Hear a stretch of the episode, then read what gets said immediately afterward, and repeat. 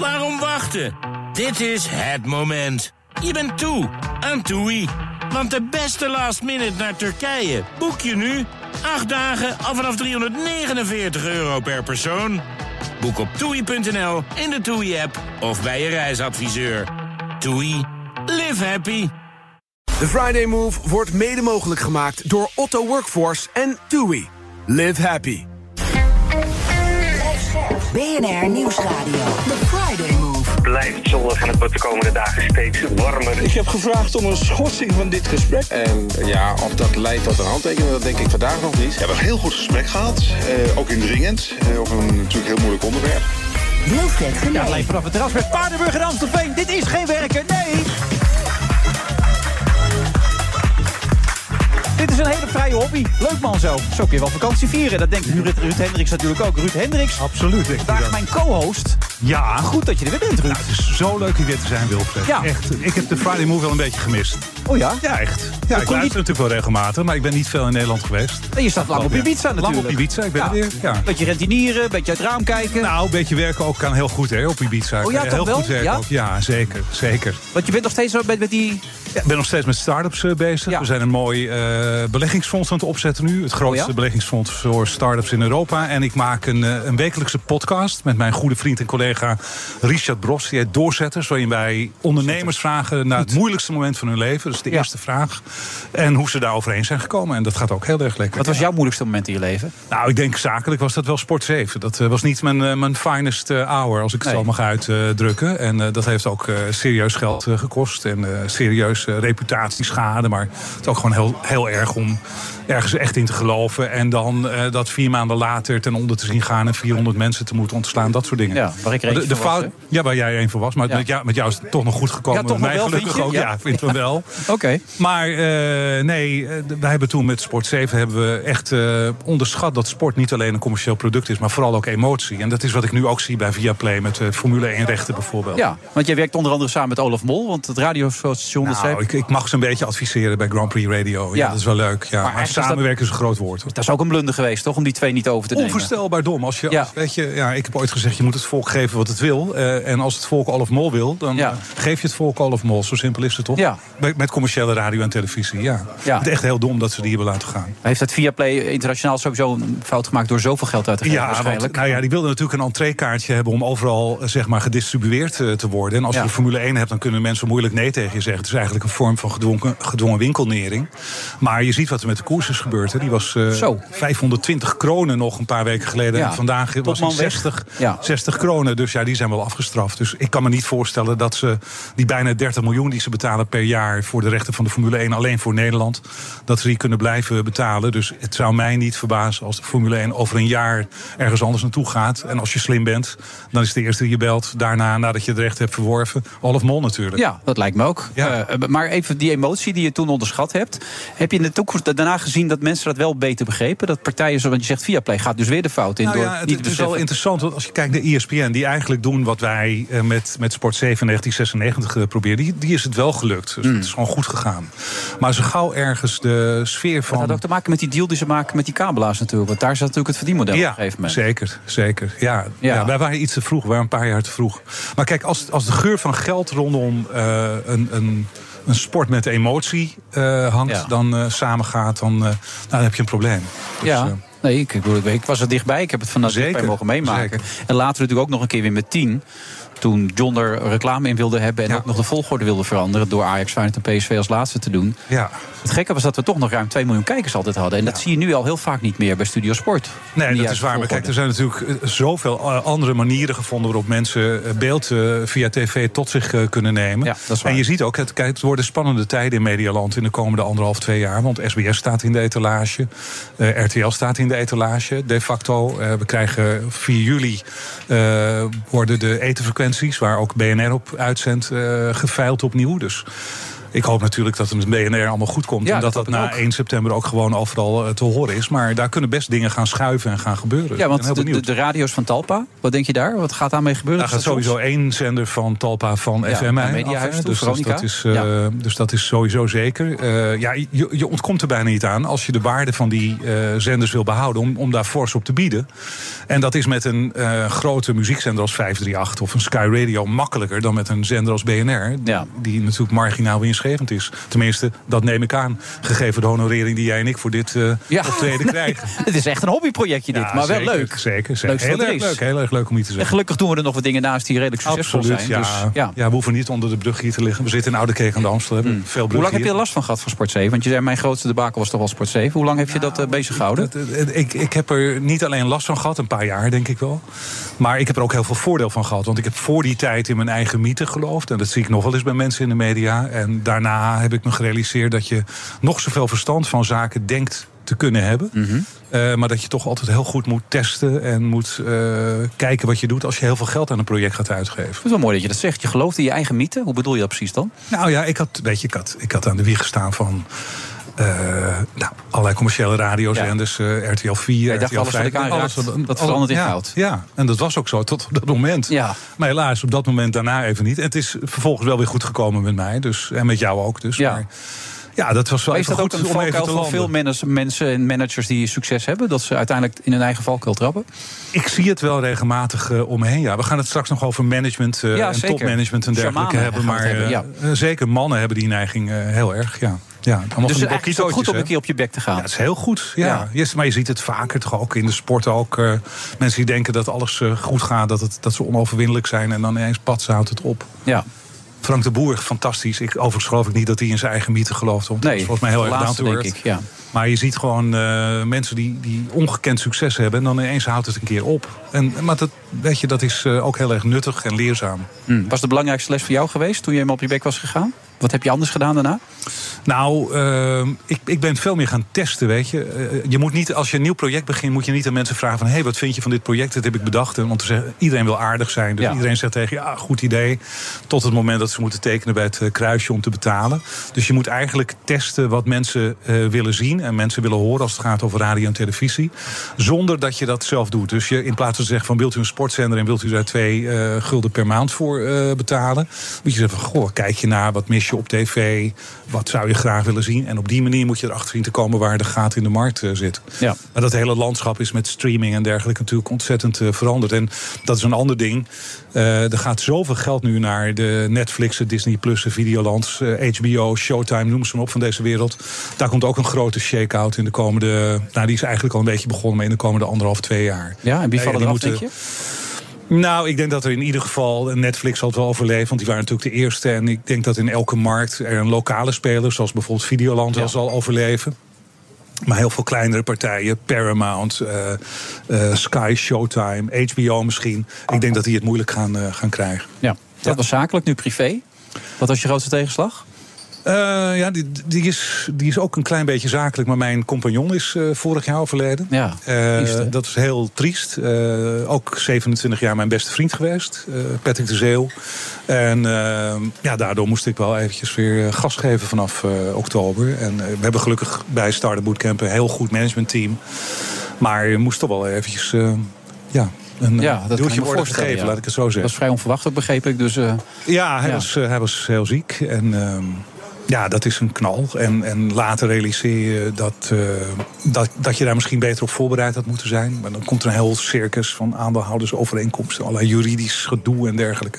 Nu allemaal wel bijna opgelost, maar het, het was eventjes een tik. maar je bent wel teruggekomen daarom naar Nederland, toch ook? Ja, Of- zeker. zeker ja. zeker. En het is ook heerlijk om hier in Nederland te zijn. Hè. Ik bedoel, het is geen straf om eh, op een dag als vandaag aan de Amstel te Ja. zitten. Maar je vindt het ook lastig om over, over privé te praten, toch? Heb ik de indruk.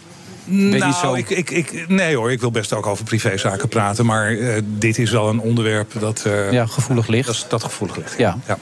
En thuissituatie enzovoort, dat, dat laten we maar even het Dat midden. laten we eventjes zo. Ja? Dan laten we het even in het midden. Wat zijn nu jouw grootste uitdagingen eigenlijk dan op dit moment?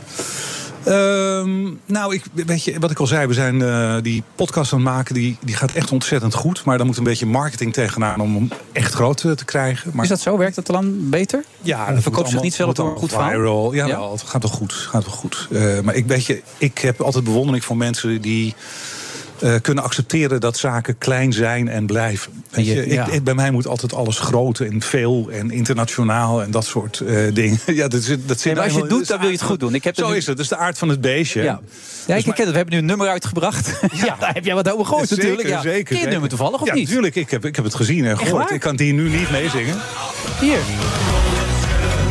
In het zonnetje, op punten. Dat is Dat moet, natuurlijk ook, dat moet natuurlijk ook internationaal. Nee, maar dat is een beetje, als je dan toch iets doet. Ik wil nu mensen zeggen, hij staat voor lul. Het interesseert me geen hout. Maar ik vind het zo geweldig. Van de week stond het muziekfeest in de, op het plein in, Ja. in Uden.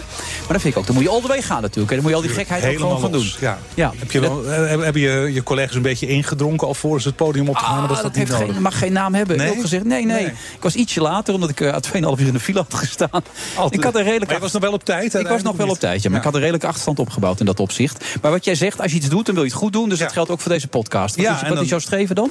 Nou ja, kijk, we hebben nu iets van 5000 eh, luisteraars per week. Dat moet er wel naar de 50.000 eh, Ja. minimaal. Waarom zouden die mensen daar moeten naar luisteren dan? Nou, het is, eh, het is een bijzondere podcast. Wij, wij vragen ondernemers, dat, dat is echt de eerste vraag... wat is het moeilijkste moment in je leven? En dat is best een, een binnenkomertje. En dan ook, vragen we ook van hoe ben je daar overheen gekomen? En, en daar komen hele mooie, diepgaande gesprekken uit. Ja. En ja, dat gaat, gaat echt heel goed. Echt hele interessante, leuke gasten.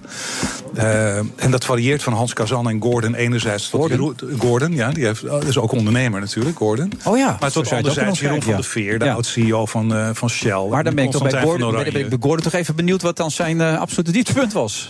Nou, even los van zijn privézaken. Ja. Wij waren twee dagen voor het met zijn huwelijk eh, misging... waren we bij hem in eh, Dubai. Ja. Maar hij heeft natuurlijk eh, best wat dingetjes gehad bij de toppers. wat, wat, wat ruzies en spanningen en dat soort zaken. Zijn, zijn avontuur met de, de, koffie, de koffiezaken is niet helemaal goed gewoon- gelopen. Dus eh, nee, maar het, is, het is altijd heel interessant. En mensen zijn daar heel open in. En, eh, dus dat zijn hele mooie gesprekken. Het zijn eigenlijk van die gesprekken die je normaal gesproken op een onbewolkte eh, avond, een zoele zomeravond, laat op de avond met een goede slok op met elkaar voert. En Oké. voeren wij een podcast. Ja. Maar wel gewoon nuchter. ja, helemaal nuchter. Nee, oké. Ja, nou, een Goed glaas te weten. champagne hier en daar. Appelrolletje kan ook natuurlijk. Ja, Moet kunnen, heel goed. Ja. Nou, goed dat je er bent, Ruud. Ja, dankjewel. We zitten hier heerlijk, dames en heren, in Amstelveen. U kunt langskomen bij Paardenburg. Eh, onze DJ is er ook bij DJ Thomas Robson. Die had ik vorige week niet genoemd, dus die ga ik nu de hele uitzending noemen. Dat is ook een beetje lullig natuurlijk, die gozer dan helemaal hier naartoe komt... en dan wordt hij niet genoemd. Dus dat kun je natuurlijk ook niet hebben. De man die we zeker ook moeten benoemen is natuurlijk onze mooiste stem van Nederland, Bernard Hammelburg. En die heeft onlangs 500.000... eh, nee, 1000 was het geloof ik. Ik, ik haal ze allemaal door elkaar. Duizendste podcast, eh, Ja. duizendste column gemaakt, begreep ik toch? Ja. En, hoe is dat gevierd? Nou, dat, was, dat vond ik heel leuk. Ehm, in de eerste plaats ehm, hadden ze. eh, ik heb de duizendste live in de uitzending gelezen. Zo. En ik, Hetty en ik samen zijn ja. afgehaald door eh, de hoofdredacteur Mark Adriani, morgens om 7 uur. Zo. En naar de studio, daar heb ik dus. Het was heel leuk, die, die, die column gedaan, een beetje met eh, Bas gepraat. Eh, Bas van Werven, voor de mensen die ja, deze zender niet kennen. Maar daarna, dat was heel leuk. Toen zijn we naar eh, beeld en geluid gegaan. Dat was allemaal gearrangeerd door BNR. Ja. En daar is, zou ik maar zeggen, die, deze duizend columns... en ook wat er gaat volgen, opgenomen in het archief. Dus dat maakt nu deel uit van het Nationaal Erfgoed. Dat klinkt dan heel deftig. en is klinkt het ook, ja... Maar het- wat ik er zo leuk aan vond... Ik, ik maak het verhaal af, want ik, ik ga je verrassen met dit verhaal. Ehm, zij zeggen... Dit, wat wij interessant vinden is dingen opslaan waarvan we denken dat als mensen over 30, 40, 50 jaar onderzoek doen naar een onderwerp. En ze komen in dat archief terecht dat ze, terecht, dat ze een beeld krijgen van hoe de wereld er toen uitzag en Ja. hoe mensen dachten. En toen we dat aan het. Ik moest daarvoor een, eh, soort contract tekenen. Want eh, je moet dus. eh, de- de- toestemming van geven. geven. Ehm, en d- daarna hadden we een heel lang gesprek. En eh, toen zei de directeur daar, wat ik. eh, eh, hoe heet die, Ruud? Ik vergeet steeds hoe ze. Eh, Ivo Eppo? ja, Eppo, ja. Eppo, Eppo, ja. Eppo. Eppo van Nister Zevenaar. Die, zei, eh, ja, van, die eh, legde dus uit hoe dat en werkt. Veel wind. ik, ik, ik ben ooit toen dat beeld en geluid begon een beetje bij betrokken geweest. En toen was het allemaal publieke omroep. De omslag kwam bij Barenden van Dorp. Want dat vonden ze daar ook zoiets bijzonders. Dat ze zeiden, dat moeten we opslaan. En nou komt die Wilfred. Hm? al pratende zei hij... wat ik ook best zou willen opslaan, is de Friday Move. Oh ja? Ja, omdat ook daar. En, en als, je, als je even luistert naar de redenering, is echt fantastisch. Want de redenering is: als iemand over 40 of 50 jaar een tijdsbeeld wil krijgen. van iets dat gebeurt op een medium waarvan we nu nog niet eens weten of het dan nog bestaat, maar op radio. dan is dit wel heel typerend. En dus het, Oh, Apple is een een Ja? wijs echt man, waar, absoluut. waar. Er waren getuigen bij, je kunt Nee, het Apple navragen. komt voor nu ook langs. Is En een ik- vriend van de show. Ja, en, en, en ik, eh, ik vond het hartstikke leuk om te horen. En ik ben het er ook mee eens. Dit is echt een programma dat, dat bepalend is. Maar, maar Bernard, even terug naar jou. We mogen jou toch gewoon in het vervolg het instituut Hammelburg gaan? Ja, dat mag Maar toch. dat deed al langer. Ik- ben- altijd. Ik ben ijdel genoeg om het allemaal fantastisch te Ja, vinden. is het is ook zo. En ik heb ook mijn best gedaan voor al die columns. Eh, dus ik vind het best leuk. Maar het idee dat eh, het station, eh, dat toch een beetje moet vechten om overeind te blijven, nu al in een onderdeel, onderdeel uitmaakt van het Nationaal Erfgoed, dat vond ik echt kick. Erkenning. Ja, Mooi hoor, bijzonder. Maar- ben je wel ook wel eens in je eigen mythe gaan geloven in al die jaren? absoluut niet. Nooit? Nee, nooit. Je hebt dus dat niet meegemaakt wat Ruud wel een beetje had. Die dacht, alles wat ik aanraak... Ja, maar dat was ook zo. Bij Ruud is ook wel heel veel. Ik, ken- ik ken hem al zo lang.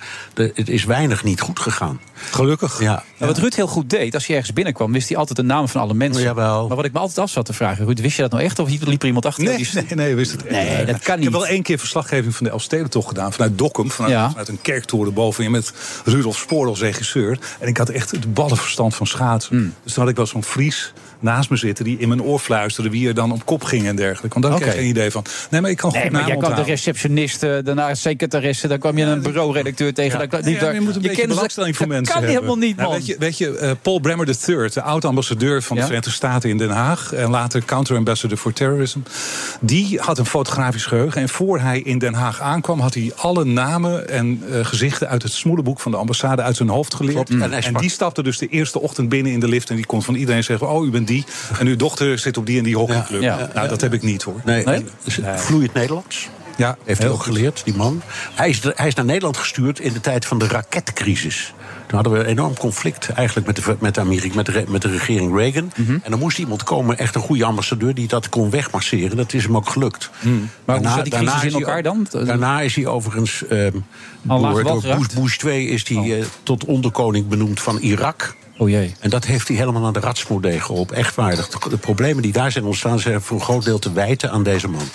Ja? Ja, die, Heeft, die heeft dus... eh, Die was wel in zijn eigen mythe gaan geloven of zo? ja, Van hem waren toch ook de beroemde woorden... ladies and gentlemen, we've got it. We've got him, dat was van hem. Maar, maar wat, wat er gebeurde is dat de Soenieten, dus de club van Saddam Mhm. Hussein, die hadden een soort apartheidsregime. Dat was een minderheid die de grote meerderheid van Shiiten en Koerden eh, overheerste. En dat, zoals dat zo vaak gaat in dictaturen, dat hield elkaar op een of andere manier in evenwicht. Hij heeft van de een op de andere dag die hele Soenitische structuur uitgeschakeld. Dus de krijgsmacht, de politie, de wet- wetenschap, universiteiten, alles in één keer weg. Nou, en daarna kreeg je een. een, toen, toen grepen die Shiiten terecht de macht. En Ja. laten ze nooit meer las. En eh, daarna is ook die enorme burgeroorlog ontstaan. Dus echt. eh, Ja. Wat je zegt, instituut, hè? je roept wat en hij Nou, weet het. we is maar door, hè? ongelooflijk. Je gooit je naam erop en hij weet hem. Ja. Maar je komt nu even voor iets anders. Er zijn allemaal Afrikaanse leiders richting eh, eerst Oekraïne... en nu Ja. straks ook naar Rusland. Nou, toe, naar toch? Sint-Petersburg gaan ze om Poetin te spreken. Dat is Ja. een interessante ontwikkeling. Er, was, er zitten een paar kanten aan. In de eerste plaats, ehm, het Westen kijkt, om het zo maar te zeggen... met enig dédain naar al- alle andere landen... die niet onmiddellijk in het gelid springen... bij ons standpunt over Rusland. Ehm, de Afrikanen, die... ehm, eh, zien dat heel anders. Die, dat zijn bijna allemaal oud-koloniën. En die hebben in de tijd van de Sovjet-Unie, bijna allemaal, steun gekregen van de Sovjet-Unie. Dus al die, al die bevrijdingsbewegingen. Die zijn gesteund door de Sovjets. En die Afrikaanse landen zeggen: wij hebben ook een geheugen. Niet alleen jullie. En eh, we hebben eigenlijk ons bestaan te danken aan wat we nu de Russen noemen. Dus die gaan niet in ons frame stappen en, de, en die Russen afvallen. Daar is heel veel over eh, heen en weer gepraat. Eh, ze hebben een paar keer gezegd: wij willen ook wel bemiddelen. Hè, vooral de Zuid-Afrikaanse eh, president heeft dat gezegd. En dat werd dan bij wijze van spreken in Brussel en, en Den Haag en in Washington weggehoond. Ja, de weg, man. Ja. Zo'n Afrikaan, wat kan die nou? Op een bepaald moment heeft Zelensky ik denk het derde of vierde maand van de oorlog, die de Afrikaanse Unie toegesproken. Dat zijn 55 landen via een videoverbinding. Er waren er wel geteld vier die inschakelden.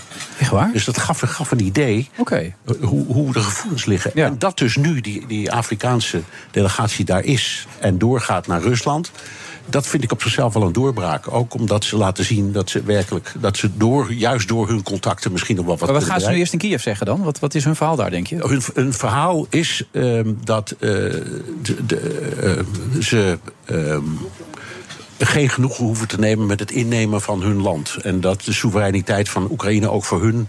Eh, Oh, dat wel. Maar- dat maar wel. de- de maar, voedselvoorziening maar, is ook- maar ze zeggen ook: je kunt dit, deze kwestie niet oplossen zonder concessies. Maar Bernard, is eh, de, de, het graan van Oekraïne is voor Ja, de ja, voedselvoorziening ja, ja, van Afrika ja. toch ook heel belangrijk? Zeker, zeker, Ja. zeker, zeker. Het is dus door die hele graandeal die eigenlijk mislukt of is mislukt, lopen ze heel veel voedsel Daarom, mis. Dat klopt. ja. Dus ze hebben ook een eigen belang. Ehm, en bij, eh, in Petersburg, daar ontmoeten ze eh, Poetin en daar gaan ze. eh, ehm, waarschijnlijk ook iets zeggen van ja, jij bent onze vriend, dus je kunt ons vertrouwen. We vallen je niet af, we gaan hier niet zitten. ehm, eh, af- dat, die, die, die, die, eh, dat internationale opsporingsbevel tegen jou, dat moet natuurlijk van tafel. Ja, want, Ja, ja. dat gaan ze zeggen. Maar ook jij moet een concessie doen. Je kunt niet dat hele gebied bezet houden. Ik denk dat dat hun insteek wordt. En eerlijk gezegd, dat is, daar zit ook de oplossing. Zoiets. Zo Zou de Krim dan nog wel voor Rusland nog blijven houden? Dat of niet? Of denk je? Nou, ik, ik kan me niet voorstellen dat ze het teruggeven. Nee, ik ook niet. Maar, Maar ik kan me op dit moment ook niet voorstellen dat Zelensky ehm, eh, akkoord gaat met een oplossing zonder de Krim. Maar het Dat gaat is niet zo lekker met dat offensief, hè? Tenminste, het is zo stil. Je hoort eh, geen Nou, enkel succes. En nee, dan zeggen ze, ja, misschien is het nog wel niet echt begonnen. De Wel, grote ik denk het wel. nog komen. alleen, maar alleen dat hoort natuurlijk ook bij de stilte- strategie. Een deel van strategie is stil zijn. Als je bezig bent met oorlog voeren. En foute informatie verspreiden. Ja, maar met satellieten tegenwoordig kan je toch precies zien wat er gebeurt? Oké, we weten ongeveer wat er gebeurt. Eh, het is niet een front dat optrekt. Het is. eh, je Kijk, hebt- nu komen er een boot voorbij. En die gasten hebben het apparolletje op staan. Ja, zeker. Kijk, dat zijn Niet de echte zomaar. natuurlijk. Zing even live mee, eh Wil- Wilfred. Hoor je hem in het zonnetje? Goed man, hé. Ga ik zweven, iets leuks beleven. Ja, is goed hoor. Ja, ja. Nou, zeg serieus waar. Die heb ik niet ingehuurd hoor. Ik reken straks af, jongens. Komt goed. Ja. Ja. Oekraïne nummer 1. Ja, dat is, eh, Zo doe je het. Nou, is moeilijk om terug te gaan naar Oekraïne, vrienden. Ja. Dan denk ik op zo'n moment, het past Wij eigenlijk waren niet. het heel serieus. Ja, over het van satellieten het en te kijken wat er met die oorlog kunt gebeurt. zien, dat, kijk, dat is niet een offensief zoals één grote oprukkende massa soldaten. Het is een offensief dat langs die lange zeg maar zeggen, demarcatielijn of het front in kleine prikacties gebeurt. En die hebben ehm, af en toe succes en af en toe niet. Er zijn al heel wat van die westerse tanks die we hebben geleverd eh, kapotgeschoten door de Russen. Ja? Maar andersom hebben ze ook wel wat succes. Maar om een idee te geven, er stond in eh, de Britten die hele goede spionagerapporten publiceren, dag in dag uit. Daar stond dat er was toch wel wat succes aan de Oekraïnse kant, want ze hadden 100 vierkante kilometer heroverd. Dan moet je nou, is 10 kilometer bij 10 kilometer, dus ze hebben niks. Nee, dat is Van niet front van 1300 kilometer of zo. Precies, langs, langs de front van het. Dus dat, maar het geeft een goed beeld van, van dat heen en weer millimeteren langs het front. Ja, Ik las vandaag ook weer ergens, het wordt geen sprint, het wordt een marathon. Ja, gaat dat heel wordt lang een duren nog. Zeker, Dus zeker. ja. En dan heb je aan de andere kant de oorlog die door de lucht gaat. Daarvan weten we helemaal niet hoe dat Nee. eh, zich verder eh, zal ontwikkelen. Maar er zijn dus als het ware twee oorlogen bezig. Een luchtoorlog en die oorlog langs het front. front. Ik ben met, want jij, ik weet niet bij wie je dit hebt gelezen, maar wie het ook ik ben het daarmee eens. het even opzoeken. Nee, hoeft helemaal niet. joh. ja. Nee, maar- Er zijn heel veel mensen die zeggen het wordt wat dan heet een bevroren conflict. Dat zou ook best kunnen. Ehm, en, daar, en dat is heel triest, want op een moment. Je hoort dat nu al in het Amerikaanse congres eh, onder de, de Republikeinen. Op een moment zeggen de Amerikanen: moeten we daar nu wel zoveel geld in blijven steken en Ja. zoveel hulp. En onze eigen voorraden wapens blijven cannibaliseren, want daar zit een gevaar in. En als dat gebeurt, dan zul je zien dat Europa omschakelt van het roepen hulp, hulp, hulp en veel wapens naar onderhandelen, onderhandelen, onderhandelen. Dus ik, dat kan best komen. En maar- NAVO-lidmaatschap voor... eh, ja, eh, Biden heeft nu gezegd dat hij. eh, het, het gaat in heel veel stadia, Mhm. zo'n zo'n aanvraag. Dat hij het eerste stadium, dus een soort onderzoek naar ehm, hoe democratisch dat land is. Wat dat betreft mag dat worden overgeslagen. Dus dan duurt het geen tien jaar, maar nog negen jaar bij wijze van ja. spreken. Dat gaat nog heel lang duren. Als het ooit gebeurt. Ja, en de Russen kunnen natuurlijk eisen dat dat NATO-lidmaatschap gewoon nooit komt. als onderdeel van de maar, maar nou iets onderhandelingen. anders. Stel nou dat er een, een bestand komt en er blijft een stukje Russisch. Hè, dat zou kunnen. De rest van Oekraïne is gewoon Oekraïne. En dat is lid van de NAVO.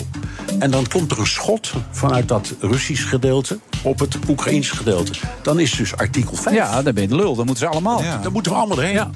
Dus de NAVO die wacht nog wel even voordat ze... daar- rustig aan. Rustig aan. Ja. Goed dat je er weer was, Bernhard. Fijn om er te zijn. Ja, en tot de volgende keer. Graag. En op naar de 2000 of 4000 of 5000. Waarom niet? Ja, leuk man. We zijn er zo weer. En onze DJ is er ook, wist je dat trouwens? DJ Thomas Robson. Ja, Thomas Robson. Dat heb ik vergeten. Dus Topper, hè? belt het even. Waarom wachten? Dit is het moment. Je bent toe aan TUI. Want de beste last minute naar Turkije boek je nu.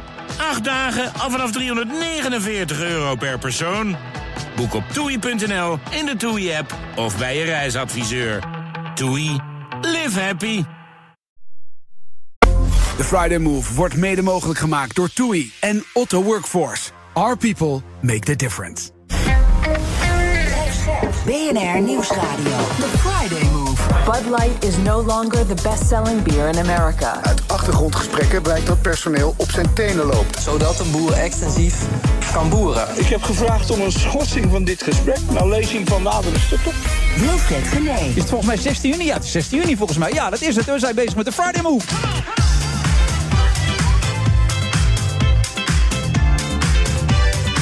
Zitten vandaag in Amstelveen. En onze DJ, dat is heel verrassend, is DJ Thomas Robson. Die is ook bij vandaag. En Ruud Hendricks ook. Terug uit Ibiza. Mis je het wel een beetje? Of zeg je met dit soort temperaturen? Nou, dit soort temperaturen Maakt het mij niet is hier warmer dan op Ibiza op dit moment. Hè? We hebben hier beter weer volgens mij op dit moment. Ja, dus eh, lekker genieten hier. Oké. Ik zag dat jij ooit nog eens met een documentaire over de onderwereld... ook een prijs hebt gewonnen in Spanje. Ik heb, een, eh, ik, ik heb een eh, documentaire gemaakt over internationale wapenhandel... en de betrokkenheid van Nederland bij het Iran-Contra-schandaal. Hmm. Daar hebben we inderdaad de premiers onders mee gewonnen. En ik heb een documentaire gemaakt over de in Zaandam. Oké. Met eh, eh, Rob van Zanen, die daar mede door die documentaire is vrijgesproken. Oh, dat is wel bijzonder. Ja. Dus die wereld van, zeg maar de onderwereld, intrigeert je wel. Buitengewoon, ja. Ja. Ik denk dat er weinig mensen zijn die dat niet intrigeert, toch, Paul? Paul Ja, jouw verhalen lees ik met veel belangstelling. En vele anderen die het parool lezen, denk ik ook. Nou ja, dat, eh, daar ben ik niet bescheiden over. Ik denk dat het belangrijk is ook. Ja, maar ik zie hier zitten, eh, alleen, zonder, eh, Ja. zon- zonder escorte. Hè? Kan je tegenwoordig zonder bewaking, beveiliging over straat? Je ziet niet alles goed, maar eh, nee, al een hele tijd is het leven weer veel normaler. En eh, dat is heel plezierig. Ja, en, en hoe is dat zo gekomen? Kan je dan, is er op een gegeven moment een deal gedaan waardoor jij wist van nou ik kan weer veilig over straat? Of? Nou, je beschrijft het ook in je boek op een bepaalde manier. Dat is mooi, ja. Dus uh, hebben we meteen een bruggetje naar Ja. het boek. Afrekeningen, nieuwe editie. Ja. Maar, eh, Heel goed, commercieel Nu overal te ingesteld. kopen, ja. in de betere boekhandel Ja, en op bol.com. Daarin beschrijf je het mooi, want vertel me hoe dat ging. Nou kijk, ehm, op een gegeven moment heeft een groep ehm, criminelen bedacht... dat ik doodgeschoten moest worden om wat ik wist. In dit boek en artikelen die ik in het parool had geschreven... eh, konden zij lezen. Ze waren beter in close reading dan ik eh, dacht. En zij konden lezen dat, hey, dat wat ik wel beschrijf... en ik dacht zorgvuldig te zijn geweest... dat kan ik alleen schrijven als ik andere dingen ook weet. Namelijk de achtergronden, wie de opdrachtgevers en moordmakelaars waren... die achter die zaten. En omdat ze bang waren dat die informatie die ik had... en van- waarvan zij terecht vermoeden dat de politie die niet had... dat ik die zou publiceren, was de opdrachtgever mij doodschieten. En ik werd daar gelukkig eh, over geïnformeerd. Eh, heb daar vervolgens zelf eh, lang onderzoek naar gedaan... omdat ik als journalist onafhankelijk moet blijven. Dus ik kan niet naar de politie stappen en dat zeggen. Dus ik ben er zelf mee in de weer geweest. Lang verhaal, niet al te lang.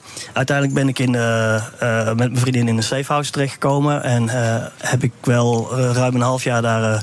de beste beveiliging van Nederland eh, gehad... van de dienst Koninklijke en Di- Diplomatieke Beveiliging, DKDB. Helaas, eh, zoals bijvoorbeeld John van der Heuvel, eh, dat weten jullie... eh, die al vijf en een half jaar heeft. Ehm, Maar hoe, hoe hield het bij jou dan op? eh, dat hield op doordat de informatie waar het allemaal over ging... kwam via die ontsleutelde berichtjes die criminelen elkaar allemaal hadden gestuurd. En die computerservers waren neergehaald. En die berichten kwamen bij eh, de politie terecht. En daarin stond hetzelfde wat, als wat ik wist. Dus onafhankelijk van mij, buiten mij om, was hetzelfde bewijs bij de politie beland. Dus was de initiële reden om mij dood te schieten vervallen. Maar dan nog lijkt het me heel bijzonder om dan de eerste keer weer over straat eh, te moeten zonder beveiliging. Dat is het. En het, is nog een, eh, het vergt nog veel moed eh, aan de kant van de overheid om in te stemmen met mijn plan van mijn vriendin en mij. Om zo snel mogelijk de, de bewaking af te bouwen. Dat wilde ik heel graag. Want ik dacht, ja, als het niet 100% zeker is dat ik eh, dit echt nodig heb om te overleven, dan wil ik dit leven niet langer. Want wanneer ga ik dan afbouwen? En eh, nou ja, uiteindelijk heb ik daar samen met mijn contactpersoon binnen het Openbaar Ministerie en fantastische mensen bij die eh, DKDB-beveiliging, hebben we langzaamaan getest of het inderdaad verantwoord leek dat ik weer normaal mijn leven Ging je op een gegeven moment op het terras zitten? Hè? Ging je bijvoorbeeld op het terras En er kwam er een crimineel voorbij, die zag hem zitten. Maar, maar je hebt nooit even Ja. gebeld met de mensen waarvan je kon vermoeden dat die het op jou eh, voorzien hadden. En te zeggen van, hé hey joh, Jawel, wat dat heb ik gebeurt in als een ik heel op het terrasje ga stadium. zitten bij, eh, bij BNR op een, eh, op een vrijdagmiddag, om maar eens een locatie te noemen. Eh, de Amsterdamse boeven willen niet met mij in Amsterdam gezien We worden. zitten nu in Utrecht op dit moment. Ja, voor maar- duidelijkheid. Hè. We zitten in Utrecht nu. Het is prachtig in Utrecht. Ja, maar het is een Ja. fietsafstand van, eh, van Amsterdam. Ja. Nee, maar ik heb wel contact gehad met allerlei betrokkenen. Alleen het probleem is dan dat de ene partij zegt... ja, we weten wel dat jij eh, doodgeschoten gaat worden... maar dat doet een andere partij en die probeert ons de schuld te geven. Ga ik naar die andere partij en die zegt het omgekeerd. Maar of ik door de hond of door de kat gebeten word... eh, een kogel is een kogel en dan Ja. staat mijn leven niet meer... eh, Ja, maar als je dat leest ook, eh, dat is wel mooi. Dan gaat hij dus op een terras zitten en er zitten een paar gasten hem in de gaten te houden. En dan komt zo'n crimineel op je af. En wat Ja. gebeurt er dan? Nou ja, dat is een crimineel over wie ik veel heb geschreven in het verleden... en die heel kwaad was. Die deed een beetje alsof hij door mij in de gevangenis was gekomen... terwijl het door een strafdossier, rechtelijk vonnis... Ja, hij zal- over wie hebben we nu? En... eh, ja, laat ik zijn naam even niet noemen om olie op het vuur te gooien. Maar Ja, in iemand, iemand, iemand die bekend was in het Amsterdamse milieu. Ja. En die ik niet meer gesproken had sinds hij gedetineerd was. Had een hele lange celstraf gekregen ook. Maar ik zit daar de eerste keer dat we zouden testen. eh, dat ik wilde laten zien dat het leven normaal ook veilig was. En ik zie hem in de verte aankomen. En zijn vriendin zegt: Hij kijk nou. En zijn naam. En daar zit Paul Fuchs. En eh, nou toen. En dan komt er een gesprek, dat is heet gebakerd. En, eh, eh, iemand met veel armgebaren en eh, hij lijkt je te gaan aanvallen en zo. Maar zulke ontmoetingen heb ik natuurlijk wel vaker. Omdat ik tussen de mensen Ja. leef over wie ik schrijf. Alleen, ik zit alleen maar te denken, hoe is het voor die mensen om me heen, van de beveiliging, eh, zitten die al met de hand op eh, eh, het wapen. En aan de overkant waren nog mensen met zwaardere wapens. En dan heb je een heetgemaakt gesprek, maar dat keert zich op een gegeven moment. Dan is het een beetje, nou ja, hoe gaat het nou met je? En dan zegt hij dat hij in de alternatieve geneesmiddelen is gestapt. En dan moet ik dan lachen. Dan zeg, "Waar ben je van de kook naar de ecstasy overgestapt? Of hoe zit het dan? Dus dat normaliseert zich wel. Maar ondertussen, gelukkig is het tegenwoordig niet zo raar als je midden in een gesprek even iets op je telefoon doet. Dat is nu eenmaal, of, de- of dat nou goed is of niet, maar dat, dat kan. Ja. Dus ik stuur dan halverwege een, eh, een, een sms'je naar diegene. Wel een boef, geen probleem. Weet je? En dan evalueer je dat aan het eind van de dag. En dan vraag ik, hoe zagen jullie dit nou allemaal? Dan, zeggen ze, ja, nou, dan vertellen zij hoe zij proberen in te schatten aan de hand van lichaamshouding, mimiek en eh, zo. Eh, daar zijn zij natuurlijk ook in. Het zijn fantastisch getrainde mensen, de, Mhm. Ja. de DKDB. Ehm nou ja, en dan was het voor hen ook wel een interessante eh, ontmoeting. Ja. Nou, je beschrijft ook aan het einde heel mooi. De eerste dag dat we echt wel proberen onszelf te zijn. Duiken we meteen het koude water zeg maar in. We gaan naar een drugsstraatfeest in de binnenstad. Boem, meteen op, meteen. Ja. Geen gezeik. Nee, want dan hoef je ook niet te lopen rondkijken of je misschien rare bewegingen ziet. Want er zijn overal rare bewegingen, want het is een straatfeest. Ja. Dus oké, dan ben je meteen ook maar gewoon erdoor. Ja, het voelt zijn- prima. Wat is dood gewoon bijzonder. In dat opzicht dan ook, hè? Als je het zo kan bekijken allemaal. Ja. Er zijn best veel zware criminelen opgepakt de afgelopen jaren. Zo, een lijstje hier Rondom ja. Taghi en dergelijke. Merk je dat nu ook terug in het feit dat het aantal moorden aan het dalen is... of dat er minder cocaïne wordt geïmporteerd? Of Dat is laatste het niet, het met, de eerste kraan- met, met de kraan open? Dat laatste, eh, dat, de, de cocaïne, die, die golft nog steeds over de eh, trottoirs. Het is, de partijen die binnenkomen via de zeehavens van Antwerpen en Rotterdam, dat is enorm. Dat zijn, vroeger waren dat honderden kilo's, nu zijn dat tonnen. Dat gaat over heel veel miljoen. Dus dat is eh, juist geëxplodeerd. Aan de andere kant, en even afkloppen... en in het verleden, nu behaalde resultaten geven geen garantie voor de toekomst... maar nu zijn er recent weinig liquidaties. Eh, dat zal voor een deel ermee te maken hebben dat mensen die daarachter zitten... dan wel gedetineerd zitten, dan wel op de vlucht zijn...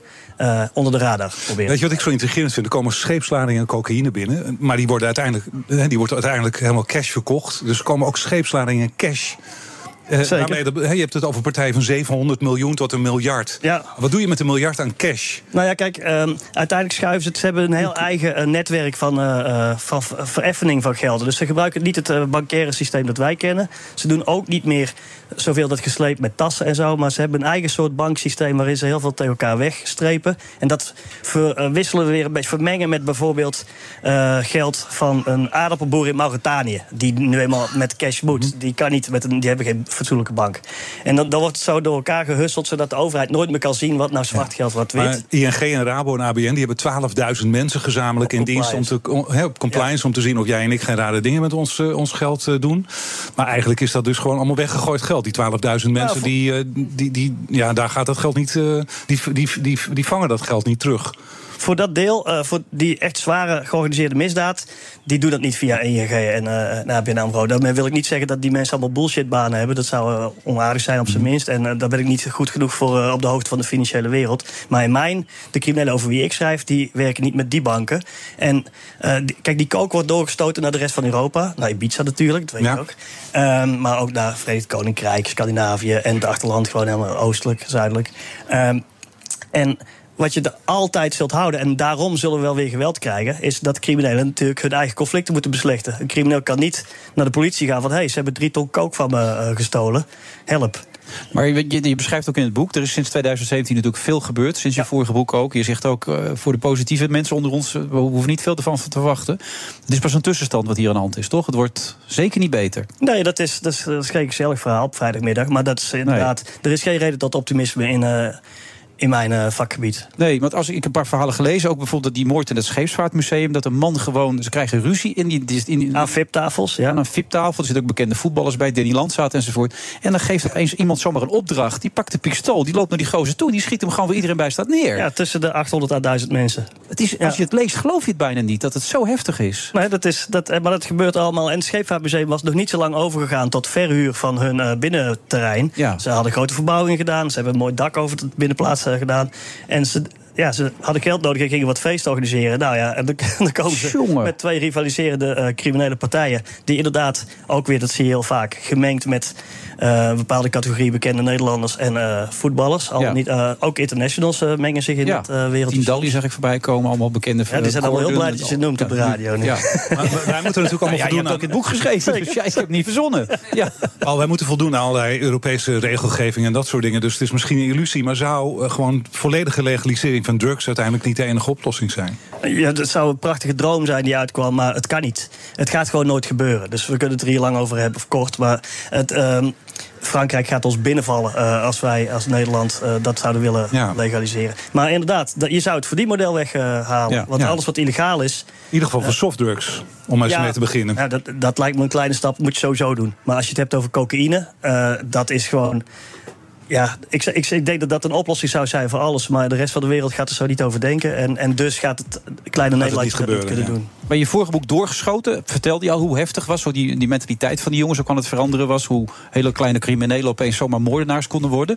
Eh, In die tussentijd, is het nog veel harder en gemener geworden? Is het nog heftiger geworden? Helaas wel. Ehm, het is nog verder doorgeschoten om Ja. in het thema van, die, van het boek te blijven. Daarom is eh, afrekening waar we het nu over hebben ook een, vervolg op dat Ja. eh, doorgeschoten. Kijk, ik kom soms ook in huizen van, eh, van jongens die eh, van, van gezinnen van jongens die echt met die liquidaties bezig zijn en zo. En dan er vallen de schellen van je ogen. Dat is zo buiten ons eigen referentiekader. Maar je komt in zo'n huis, je zou denken, als je zwaar in de criminaliteit zit, dan heb je misschien heel veel geld. Maar die huizen zijn kapot van binnen. En daar is behalve de grote flatscreens aan de muur, is er bijna niks. En het is zo'n eh, die gezinnen die zijn zo eh, ongestructureerd. Daar Ja. is helemaal niets. Rust, reinheid, regelmaat. Maar waar die jongens wel eh, erkenning zoeken en succes zoeken... is totaal aan de verkeerde kant op straat. En dan bijvoorbeeld het uithalen van blokken cocaïne... uit de havens van Antwerpen en, en Rotterdam. Maar dat dan- zijn de kleine jongens die het doen. dat zijn degenen die gepakt worden. Ja. En dan heb je het middenkader, eh, is vaak al iets slimmer. En- die proberen langer, die, die blijven langer uit, uit de handen van de politie. En als je helemaal geen geweld pleegt, Wat bijvoorbeeld eh, groeperingen rond Ridwan Taghi, eh, zo- zoals we net al aanhaalden, eh, we- wel doen volgens het Openbaar Ministerie. Hij, moet nog, hij wordt nog berecht. Ja. Als je geen geweld pleegt, kun je heel lang doorgaan, want dan krijgt het geen prioriteit. Want de, opsporingsdiensten hebben hun handen vol aan, aan de groepen die wel geweld plegen. Dus niet dat ik hier op vrijdagmiddag tips moet geven aan internationale cocaïnehandelaars, maar dat is wel het succes. Maar daardoor blijft die cocaïne maar binnen golven, echt. En in het verleden was echt douane en recherche die, die stonden op tafel te dansen als ze 400 kilo hadden gepakt.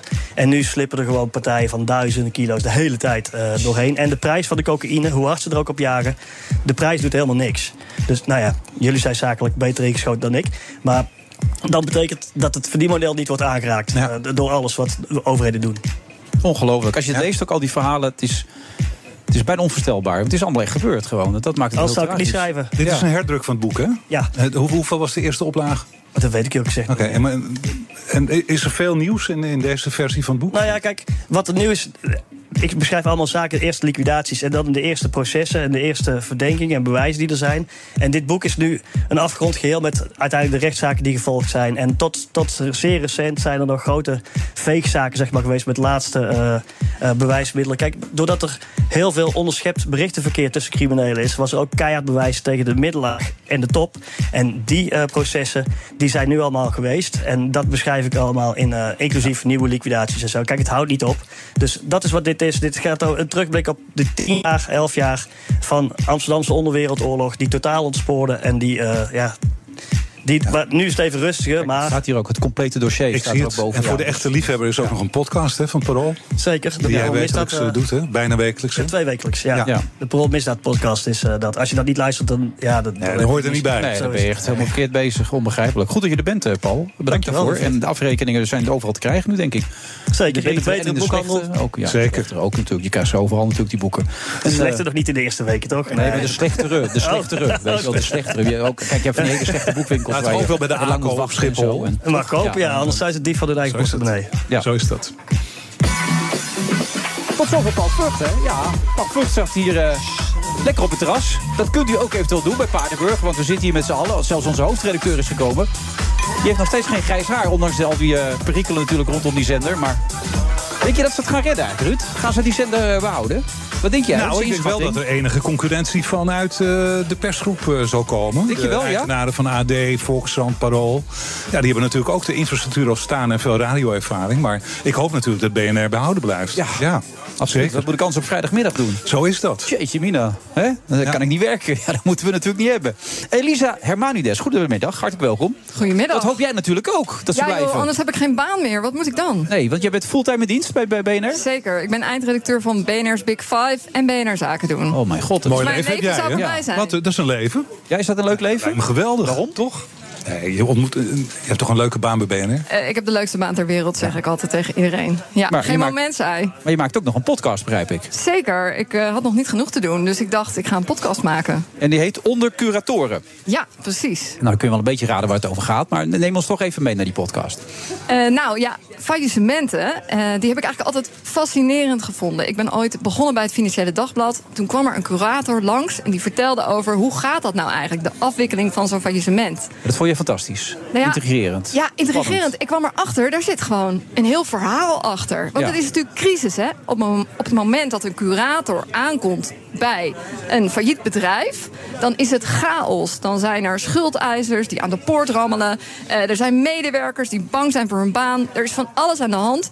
Er gaat ook een heel verhaal aan vooraf. Hè. Er is natuurlijk een reden waarom een bedrijf eigenlijk niet meer aan zijn verplichtingen kan voldoen. Dus ja. Eh, Dat vind jij nog steeds heel spannend, merk ik Ja. Ja, je ik- ziet er helemaal opleven. hè? ja, ik vind het gewoon ik denk bij mezelf, ja, ach. Het is maar, overigens ja. niet altijd zo dat een bedrijf niet meer aan zijn verplichtingen kan voldoen. Als je kijkt naar DSB-bank bijvoorbeeld, hè, dat, daar hebben eigenlijk uiteindelijk alle schuldeisers hun geld met rente teruggekregen. Ja. En, en sterker nog, ze hebben volgens mij nog winst gemaakt ook. Ja, die Ja, is maar op het mij dat laatst. Ja. Ik zal Op het even opzoeken wat die moment appte. dat DNB het vertrouwen in jou verliest... kijk, dan is het ook gewoon afgelopen. Als Hm. de toezichthouder het niet meer ziet zitten, dan is het klaar. Daar hebben we ook één voorbeeld van al in onze serie... namelijk Conservatrix, Hm? een verzekeraar. Eh, overigens, dat was in de handen van twee broers die in hun puberteit een moord hebben gepleegd. Maar dat terzijde. Ja, dat geldt terzijde. Ja. Conservatrix. Met val moeten doornemen. Ja.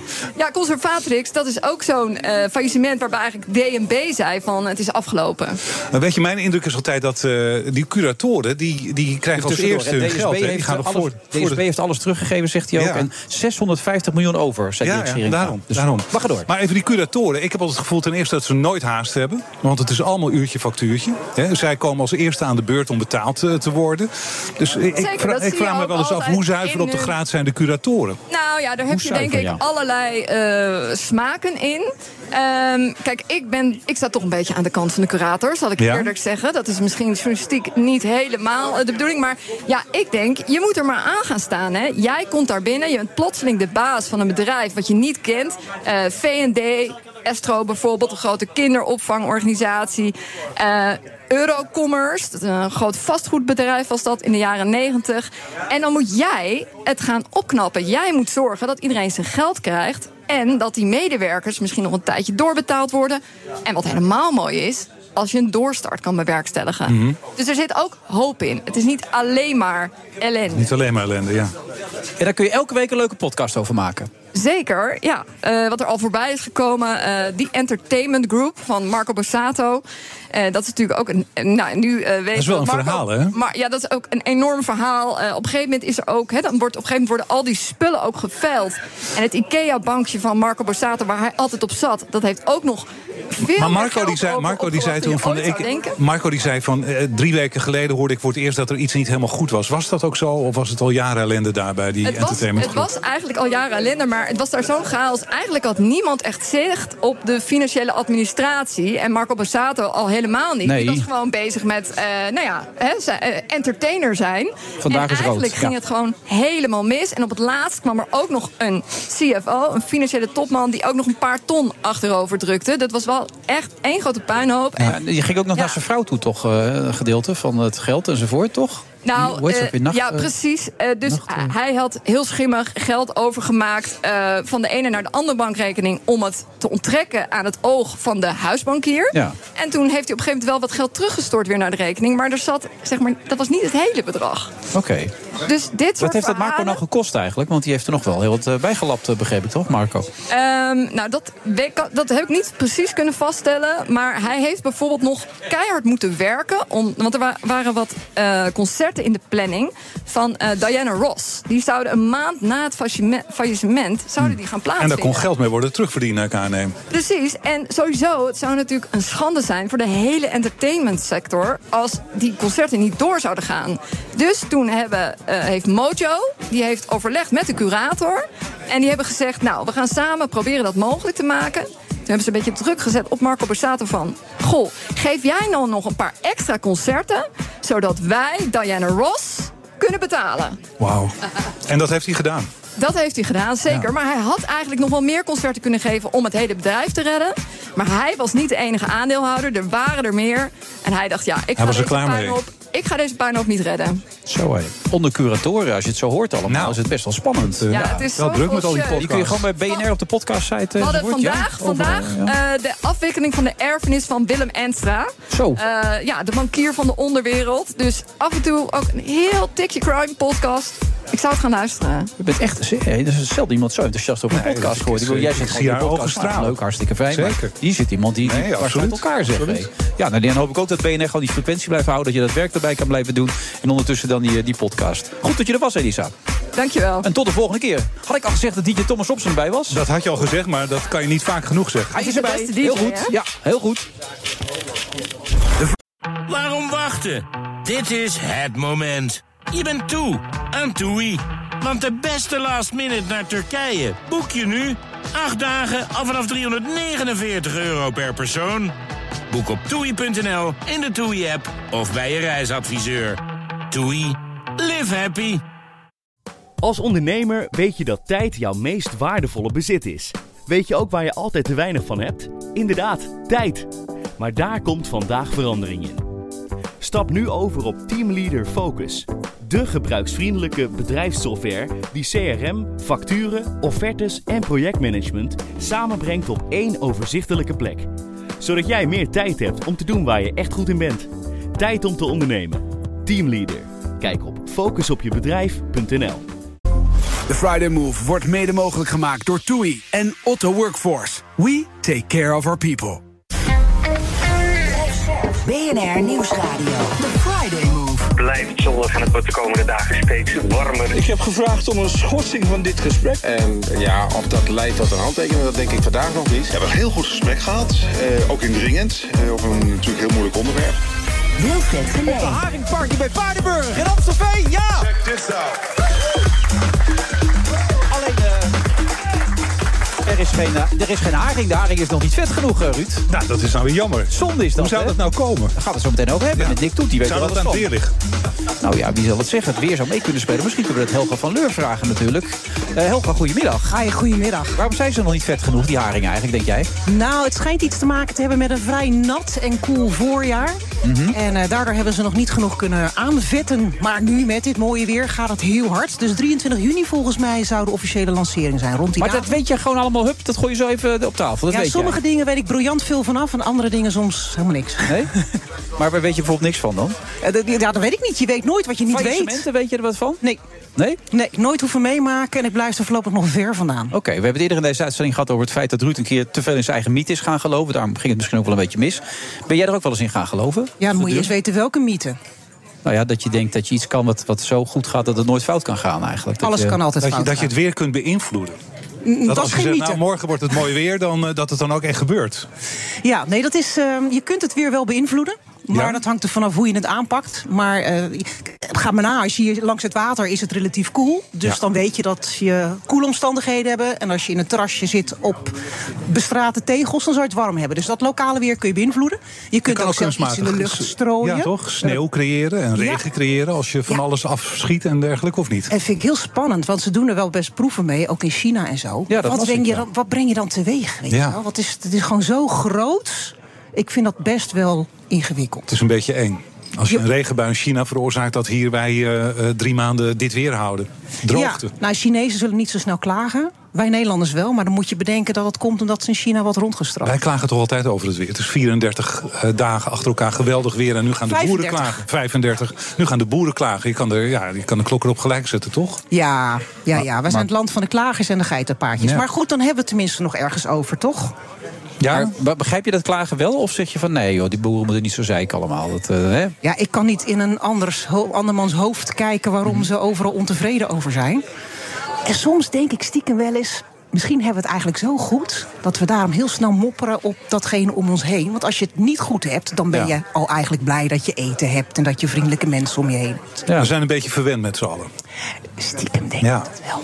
Ja. Nou, ik denk dat er Nou, toch ook veel mensen in Nederland zijn die er anders over denken. Die toeslagenouders, al die mensen in Er Groningen. is een hoop ellende te koop, ben ik met dat. je eens. Maar in Nederland in principe val je niet buiten de boot. Je kunt een uitkering krijgen, hè, je hebt schoon water uit de kraan... je hebt toegang tot stroom, je wordt niet, echt niet heel snel afgesloten.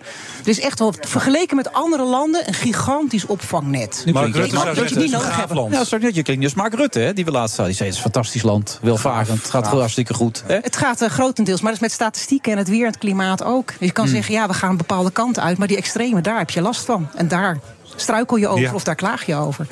Maar wat, wat vind je, hoe is dit te verklaren, deze periode van 35 dagen geen regen? Ik bedoel, dat is het klimaat dat aan het veranderen is. Want als ik mijn collega Johan Derksen mag geloven, verandert er helemaal niets. Is er helemaal niets aan de hand. Maar Ja, maar dat heeft ook te maken met actieve herinneringen misschien. En je veranderende bias. Hmm. Dus je, je verandert mee met de hedendaagse omstandigheden. En je bent eigenlijk vergeten wat het vroeger was. Maar zo uniek is deze periode toch niet? Ik begreep in 1976 was het ook al heel erg lang droog. Ja, sterker nog, we zitten eh, volgende week zitten we dicht tegen hetzelfde droogte-record aan als 1976. Het heeft gewoon te maken met de ligging van een hoogdrukgebied. Wat geblokkeerd wordt, waardoor het niet zich kan verplaatsen.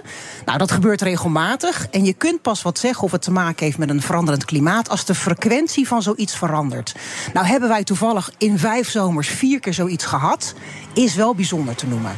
Is het echt het veranderend klimaat? Ja, dat zou je met onderzoeken moeten aantonen achteraf. hoe, hoe werkt dat precies, zo'n blokkade dan?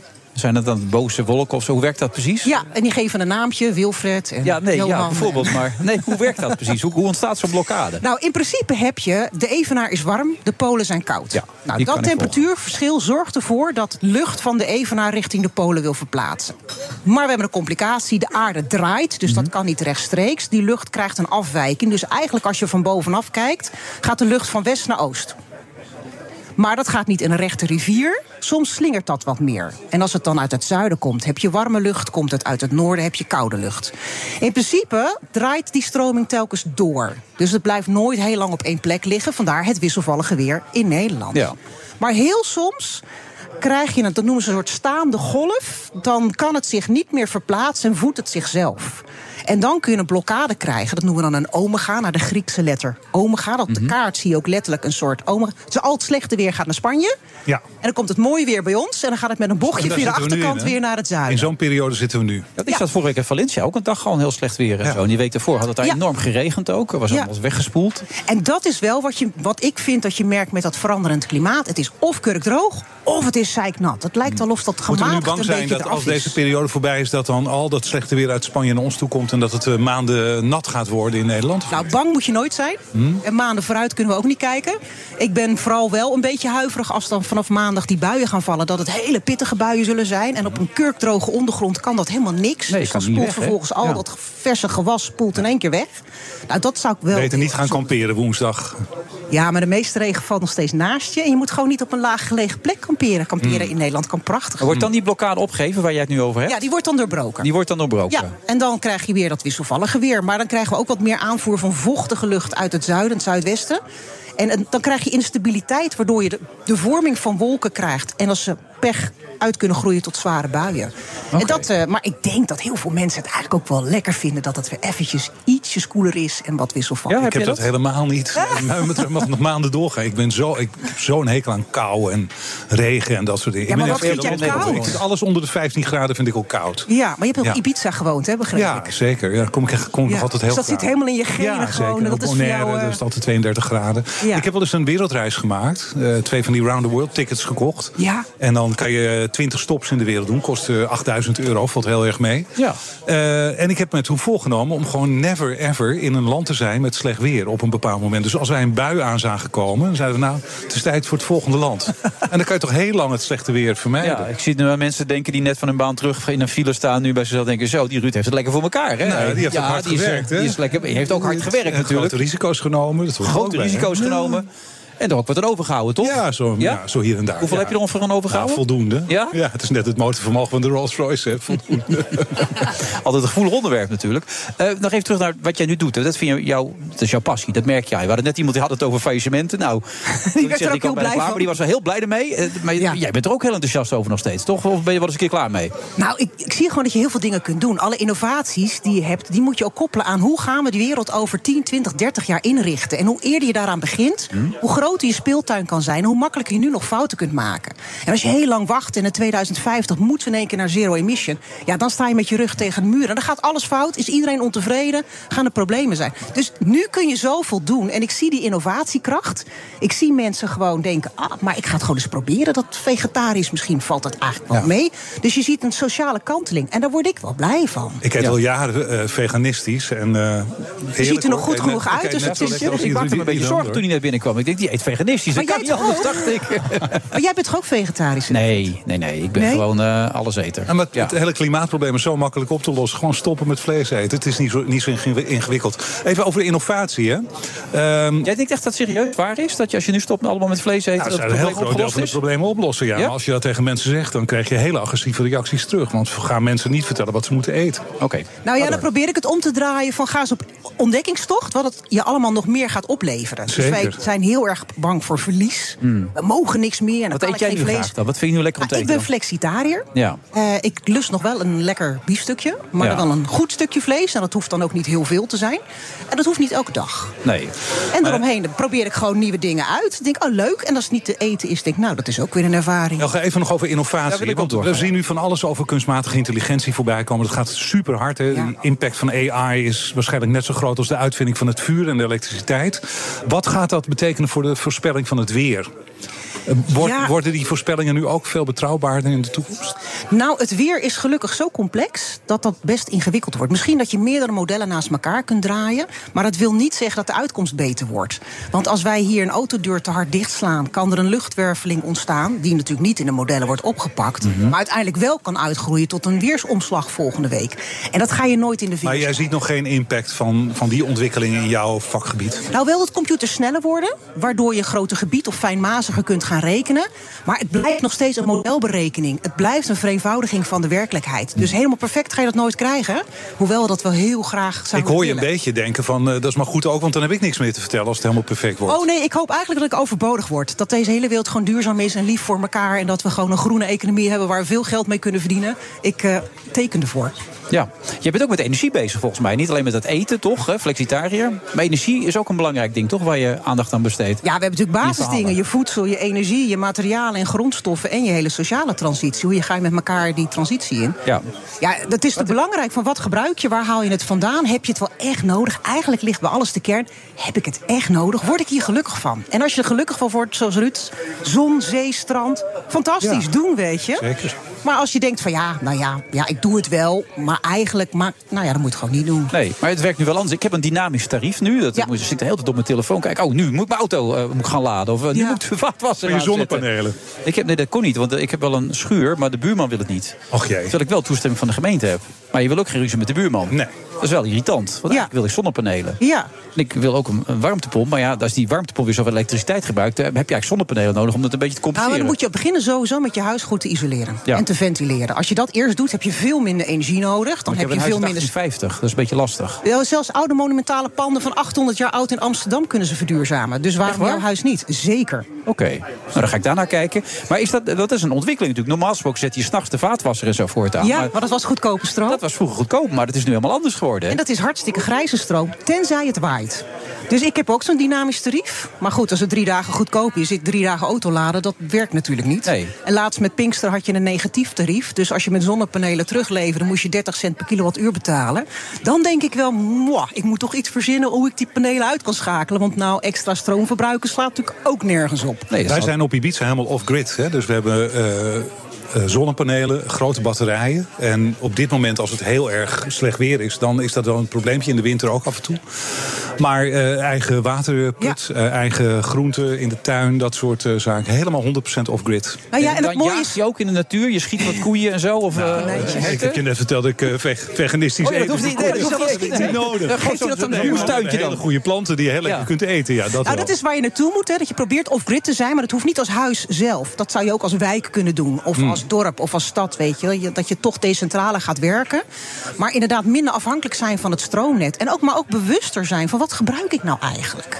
Heel veel gaat gewoon verloren. Nou, als je een appje hebt en als je zonnepanelen hebt... word je wel veel bewuster van Ja. wat er binnenkomt. Nou, ik heb aan het dynamische tarief al 1500 euro bespaard afgelopen jaar... vergeleken met de reguliere tarieven. Dan wordt het toch wel interessant. Ja, nee, absoluut. Maar het is ook leuk om het een beetje in de gaten te houden. En Ja, en je moet wel, maar je moet wel rekening houden... dat als die tarieven heel snel... die hoor je om te vergeten namelijk steeds. Maar geloof- ja? Als de tarieven heel snel stijgen, dan moet je natuurlijk ook een buffertje hebben om dat op te vangen. Hè? Dus het is niet alleen maar roze geur. Ja, maar ik, dat zijn ik hoop dat het met de batterijtechnologie steeds beter gaat. Ja. Dat we heel snel gewoon echt datgene wat er overdag binnenkomt in zo'n batterij s'avonds kunnen gebruiken. Maar die dagelijkse opslag, daar zijn we al best wel ver in. Alleen, ja, je wil ook niet bij iedereen aan huis een batterij. Want kijk eens aan wat voor grondstoffen en zeldzame aardmaterialen daarin gaan we zitten. moeten onze auto's daarvoor gebruiken. De batterijen van de auto's, de Tesla's van Ja. deze wereld. Gewoon die overdag vol Dat zijn eigenlijk eh, de beste batterijen. Maar seizoensopslag, dat is het grootste probleem. Want in de winter hebben we gewoon te weinig om al die warmte te kunnen voldoen. Mis je het wel eens? Gewoon dagelijks gewoon het weer nog weer doen op Nee, het tv? dagelijkse mis ik niet. Nee? ik word nog wel eens s'nachts wakker van schrikken. Oh, ik ben niet op tijd in de studio. Dat zit dan zo diep in je systeem na Je staat 20 nooit onder de douche even te zeggen... en dan heb je hier een hoge drukfront en dan eh, dat soort dingen doe je niet Nee, meer. ik zeg dan Nee? wel een lokaal buitje zie ik hier. Ja, dat nog wel. Ja. Maar je mist het nooit? Nee, als er iets heel bijzonders gebeurt, dan jeukt het nog wel eens. Dat ik denk, oh, ik zou het zo leuk vinden om het uit te leggen. Kijk, je hebt natuurlijk heel veel appjes waarbij je gewoon een weerbericht kunt zien. Dat vind ik geen toegevoegde waarde. Ik wil kijken, wat kan ik vertellen dat mensen denken... ah, maar ik ga er nu toch anders naar kijken. Hier kan ik wat Maar het is ook een gevaarlijke baan aan het worden, hè? Nou ja, dat, en niet alleen als je niet op tv, of wel op tv bent, ook als je niet op tv bent. Is dat zo? Ja, als je op de sociale media iets vertelt over het is nu 35 dagen droog. Verder niks, geen context. Nou, je wil niet weten wat je dan op je tijdlijn terugkrijgt. Ja, want Reinier van den Berg wordt thuis zwaar door bedreigd. Maar jij dus ook, dat maak je ook mee. Allemaal. Echt waar? Allemaal. Als die tijdlijn bekijkt, en ik heb ze nog niet kunnen blokken... je, je kunt er een dag gaan spenderen. Ja, nou ja, ik bedoel, bij, bij ons programma roep je veel weerstand op. Dus dan moet je er maar mee rekening houden dat mensen allemaal eh, je lul Ik krijg toch straks een bodycard mee naar huis, toch? Ja, dat is geregeld, nee, dan is ja. Dat is onze producer Paul. Ja. Maar het is ook interessant, want je kunt ook bedenken... waar zit dan die onvrede van de mensen? Waar komt dat dan vandaan? Wat denk je waar die vandaan komt? Ah, het is natuurlijk, je hebt niet veel controle over dingen. Mhm. Kom ik terug op dat we het eigenlijk ook wel heel erg goed hebben. Dus gaan we heel erg hard tegen dingen aanschoppen. De, de overheid doet het verkeerd. Terwijl we zelf niet die andere keuzes maken. Je kunt zelf andere keuzes maken, maar dat, dat doen we niet. Maar we willen ook niet bedisselen dat een ander zegt dat dat moet gebeuren. Nee, maar dan krijg je de, de redenering van Johan Derksen. We zijn zo'n klein landje. Wat heeft het nou voor invloed op de rest van de wereld als wij dat gaan doen? Ja, dat is zijn maar dan, dan altijd. slaat hij één ding over. Dat wij niet de enige zijn die er alles aan doen. Dat we met 195 landen hebben afgesproken dat we in 2050 energie-neutraal zijn. Dat we Ja. in 2030 al op de helft moeten zitten. En als elk land dat doet, al stoot je tien keer meer uit. Ja, die moeten dus tien keer harder werken om het voor elkaar te krijgen. Het is niet alleen Nederland. En alles wat wij dan in China vervolgens bestellen, dat gaat via de luchtstroom. En komt dat gewoon weer aan CO2 terug bij onze achterdeur. Dus we zijn gewoon één groot systeem. We hebben die aarde nodig. Het heeft alles wat ons eh, kan bieden. Grondstoffen, voedsel, water, Ja. energie. Ja. Maar we moeten er wel wat bewuster en zuiniger mee Maar de nuance die jij nu aanbrengt, die is op sociale media ver te zoeken. Mensen kunnen daar onbeperkt maar eh, roepen, anoniem, eh, mensen bedreigen. Ik vind echt sociale media een enorme plaag geworden. Ik heb, Ja, aan de andere kant, je kunt ook nog steeds wel dingen uithalen. En toen dat van Renier bekend werd, zag ik ook in één keer mensen die wel ondersteuning gaven. En zeiden, ja, dit kan ook eigenlijk. Maar die mensen, die stille middengroep, die houdt zich stil. En als je dat realiseert van mensen die protesteren, die laten zich horen. De rest hoor je niet, maar die zijn er wel. En die hebben ook die informatie nodig. Maar als je ziet bijvoorbeeld de droogte in Spanje. De, de regering heeft daar nu 2 miljard volgens mij voor uitgetrokken. Voor de bestrijding tegen de droogte. Er is toch wel iets aan de hand met z'n allen op dit moment? Ja, dat verschilt ook per gebied. Hè. Droogte in Italië, Spanje, Portugal. Dat zal geleidelijk aan steeds droger worden. En als grond één keer droog is, droogt het nog harder uit. Onze waterbehoefte wordt steeds groter. Dus dat balans op het systeem, de druk op het systeem wordt steeds heftiger. Wij zitten een beetje op de wip. Wij zitten, eigenlijk wordt het in het jaar genomen natter. Alleen het valt in kortere momenten. En dan Ja. krijg je een situatie dat het voorjaar kleddernat en koud is. En iedereen denkt, "Huh, koud weer. En nu heb je 35 dagen, nou dan komen er nog drie dagen bij. Droog weer en heb je ook weer problemen. Maar gemiddeld genomen is er niks aan de hand. Elga, wat is het record qua aantal dagen droogte? Nou, dat vind ik een beetje ingewikkeld. Omdat, wat is precies droogte? Als er 0,3 mm valt, dan is dat volgens mij de grens. Ik heb Ja. in 2007 meegedaan met Dancing with the Stars. En toen was het ook extreem droog. En toen zag ik ook ergens 45 dagen. Maar ja, Maar wat heeft dat met Dancing met de Start te maken? omdat het toen zo droog was, ik Ja. zweette met het apenzuur. Daardoor kan ze zich dat herinneren. Oh, Daarom kan ja. ik me het zo goed herinneren. Ah, het was weer recorddroog. Ik denk, nou, ik ben nou wat anders aan het doen. Ik heb het kleren nat. En hoe ver ben je gekomen eigenlijk? Dat weet ik niet meer.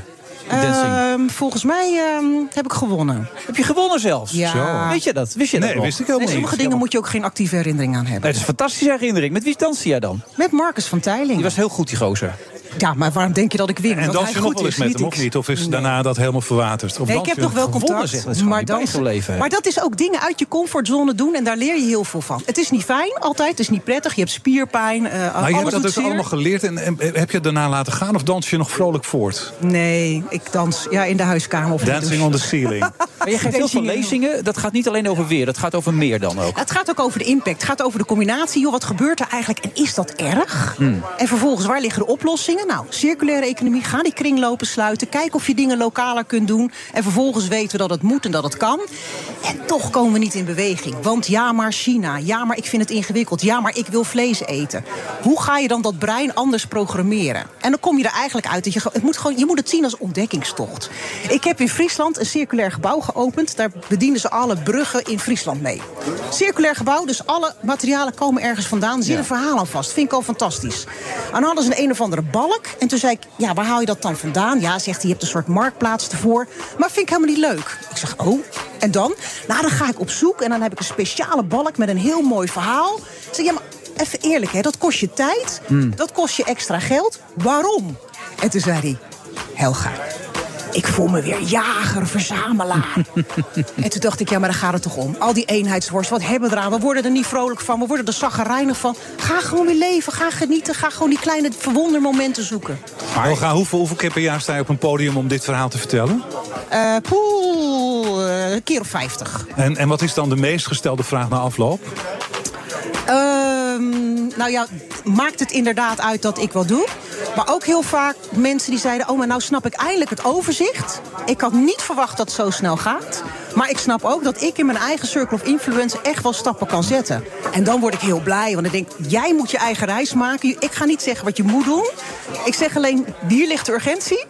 En hier kun je aan bijdragen. En uiteindelijk moeten we het ook gewoon met elkaar gaan doen. Komt het goed? Dat zou ik net zeggen, ben je hoopvol gestemd? Daar ben ik zo benieuwd naar. Ben je hoopvol gestemd? Slagen, slagen we er met z'n allen in om die omslag te maken? Ja, uiteindelijk wel. Want het walkeert schip. En die, Dus uiteindelijk- die klimaatklevers en die de, op de, de Extension Rebellion die op de weg gaan staan, wat vind je daarvan dan? Nou, die, die ook met een goede rol. Want doordat zij zo extreem zijn, vinden we het eigenlijk heel erg belachelijk. Zetten we ons er tegen af. Mm. Maar er worden wel zaadjes geplant, waardoor mensen toch denken: oké, misschien is er dan iets aan de hand, maar ik doe het dan op een andere manier. En ik zoek ook een andere groep op. Ik zoek die grote stille middengroep op, die wel iets heeft gehoord, maar eigenlijk handvatten zoekt. En daar help ik ze dan mee. En dat is toch fantastisch. Er zijn vaak hele kleine stapjes die al het verschil kunnen maken. Als jij een berg beklimt, dan wil je ook niet rechtstreeks omhoog. Dan doe je het ook met een slingerweggetje langzaam omhoog. Jij wel. Zo naar boven dan. Elke dag een stapje en uiteindelijk kom je op een dag tot ontdekking dat je boven bent. Hè? En af en toe even achterom kijken en denken... oh, nou, ik heb toch best wel wat stappen gemaakt. Nou, zie je, het kan dus wel. En dan vervolgens weer verder omhoog. En mensen hulp vragen. Ook durven kwetsbaar te zijn. En zeggen, joh, ik kom er niet uit of ik snap het niet, ik vind het ingewikkeld. Je bent nooit de enige. Zo hè, dit zijn teksten allemaal. Wijze woorden. Ja, mensen kunnen jou gaan boeken hè? Toch? Ja, ja, ja, ja, maar daar gaat het mij niet om. Mensen kunnen leuk? ook informatie vinden je wat ze zelf kunnen doen. of niet? Jawel, maar daar zit ik hier niet voor. Four. Zit ik hier maar- wel voor dan? Nee. Nee, maar goed, je, je vertelt je verhaal ook om het te kunnen uitdragen, neem ik aan. Ik vind het heel leuk om met mensen in contact te treden. Ik Ja. vind het heel leuk om in zo'n zaal eh, zaadjes te planten... waarmee mensen uiteindelijk zelf iets gaan doen. Ja. Nou, dat is mijn grootste cadeau. Nou, dat heb jij ook wel een beetje volgens mij, toch? Met de lezingen die jij geeft, toch? Ja, ik heb het altijd over de toekomst van de tech-industrie. hè? Ja. Wat er de komende 18 maanden gaat gebeuren. AI, eh, eh, kwantumtechnologie, dat soort eh, zaken. Ja. Ja. Ja. ik sta ook wel eens op een podium. Ja. Heel vaak zelfs. ja. Zou ik dit zeggen? Dat doe je heel vaak, man. Ja, met heel veel genoeg. Ja, nou, hartstikke goed op horen. Laten we er positief uitgaan. Het gaat allemaal goed komen uiteindelijk. Het, altijd komt alles goed. Alles zal recht komen, zeggen ze in Zuid-Afrika. Als die even. gaat zoals het moet, dan moet het maar zoals het gaat. Precies. Helpa van Leur, bedankt weer. Hè. Tot de volgende keer. Waarom wachten? Dit is het moment. Je bent toe aan TUI. Want de beste last minute naar Turkije boek je nu. 8 dagen al vanaf 349 euro per persoon. Boek op toei.nl, in de TUI-app of bij je reisadviseur. TUI. Live happy. Als ondernemer weet je dat tijd jouw meest waardevolle bezit is. Weet je ook waar je altijd te weinig van hebt? Inderdaad, tijd. Maar daar komt vandaag verandering in. Stap nu over op Teamleader Focus. De gebruiksvriendelijke bedrijfssoftware die CRM, facturen, offertes en projectmanagement samenbrengt op één overzichtelijke plek. Zodat jij meer tijd hebt om te doen waar je echt goed in bent. Tijd om te ondernemen. Teamleader. Kijk op focusopjebedrijf.nl. De Friday Move wordt mede mogelijk gemaakt door Otto Workforce en TUI. Live happy. BNR Nieuwsradio. The Friday Move. Bud Light is no longer the best-selling beer in America. Uit achtergrondgesprekken blijkt dat personeel op zijn tenen loopt. Zodat een boer extensief kan boeren. Ik heb gevraagd om een schorsing van dit gesprek naar lezing van nadere stukken. Ja, het wordt nog steeds gezellig op het terras bij Paardenburg hier in Amstelveen. U kunt langskomen, maar dat hebben al een heleboel mensen gedaan.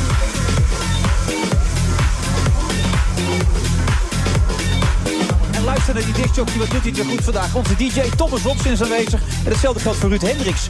Deed jij dat vroeger ook zo, Ruud? Op deze manier, hey, lekker plaatje, dat Ja, soort dingen. zeker. Nummer 22 in de top 40. Mede namens ondergetekende. Maar toen heet hij nog Rob Hudson, toch? Ja, dat is heel lang geleden hoor. We hebben het echt over... eh, Maar mis je dat nooit, die, die tijd, dat gevoel? nou, als die ik in de auto zit in mijn Ja? eentje, dan doe ik nog wel eens heel stiekem een programmaatje, weet je. Als er Ja? niemand luistert. Ik luister ze ook nooit terug. Als ik, luister jij jezelf wel eens terug? Kijk je jezelf wel eens terug? Ik heb, vroeger deed ik dat heel veel, omdat ik eigenlijk alles wat ik deed heel slecht vond.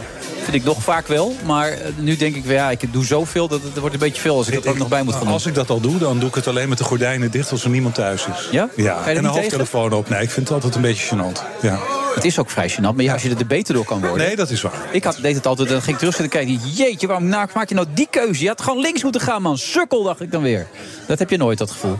Nou, tuurlijk. Jawel, tuurlijk. Ja, en ik moet, kan je moet kritisch blijven op jezelf. op- maar als, ik luister nooit meer naar de dagen dat ik als DJ presenteerde. Nee, ik was ook niet goed. Nee. Maar ik draai nog wel regelmatig, maar niet meer met microfoons er tussendoor en dergelijke. Ik draai regelmatig house en techno en dat soort dingen. Schitterend blad uit 1922. Nee, dat is niet meer. Dat is niet meer. Lekker bladje, ja. ja. Nou, of op een op marktplein gaan staan en staan zingen, dat is ook vrij pijnlijk. Sven Goedbloed, goed dat je er bent. Ja, leuk. Ja, hoe zou jij jezelf willen omschrijven? Wat doe jij precies? Nou, wat ik doe is, ik eh, breng mensen zeg maar eh, in, bij natuurbewustzijn. Ehm, wijsheid van natuurprincipes. Ja. Dat heet shamanisme. Oké, met zoals je het een, beschrijft is dat de normaalste zaak van de wereld is. Maar, Voor mij wel, ja. ja. Ja. Maar voor veel mensen is het er even... En voor mij is het ook toch? even wennen, ja. Ja? Ja, Waar zeker. komt dat door? Nou, eh, we gaan het hebben over management en, eh, Ja, ja, en, en natuurverschijnselen en dergelijke. En ja, ik kom nou natuurlijk wel uit een redelijk traditionele managementcultuur. Ja, wij je zit allemaal wel in je hoofd ook, hè? Ja. Ja. ja. Volgens Ruud, heb jij, eh, zeg maar, als je, als je leiding geeft, zeg maar, alleen maar dat hoofd aan? Daar geloof ik niks van. Nee, natuurlijk niet. Je, en je, loopt, je leert ook in de loop der jaren eh, natuurlijk. Maar eh, weet je, ik, ik ben sowieso heel erg van eh, kunnen delegeren. Heb ik geen enkele moeite mee. Mensen echt vertrouwen geven, heb ik ook geen enkele moeite mee.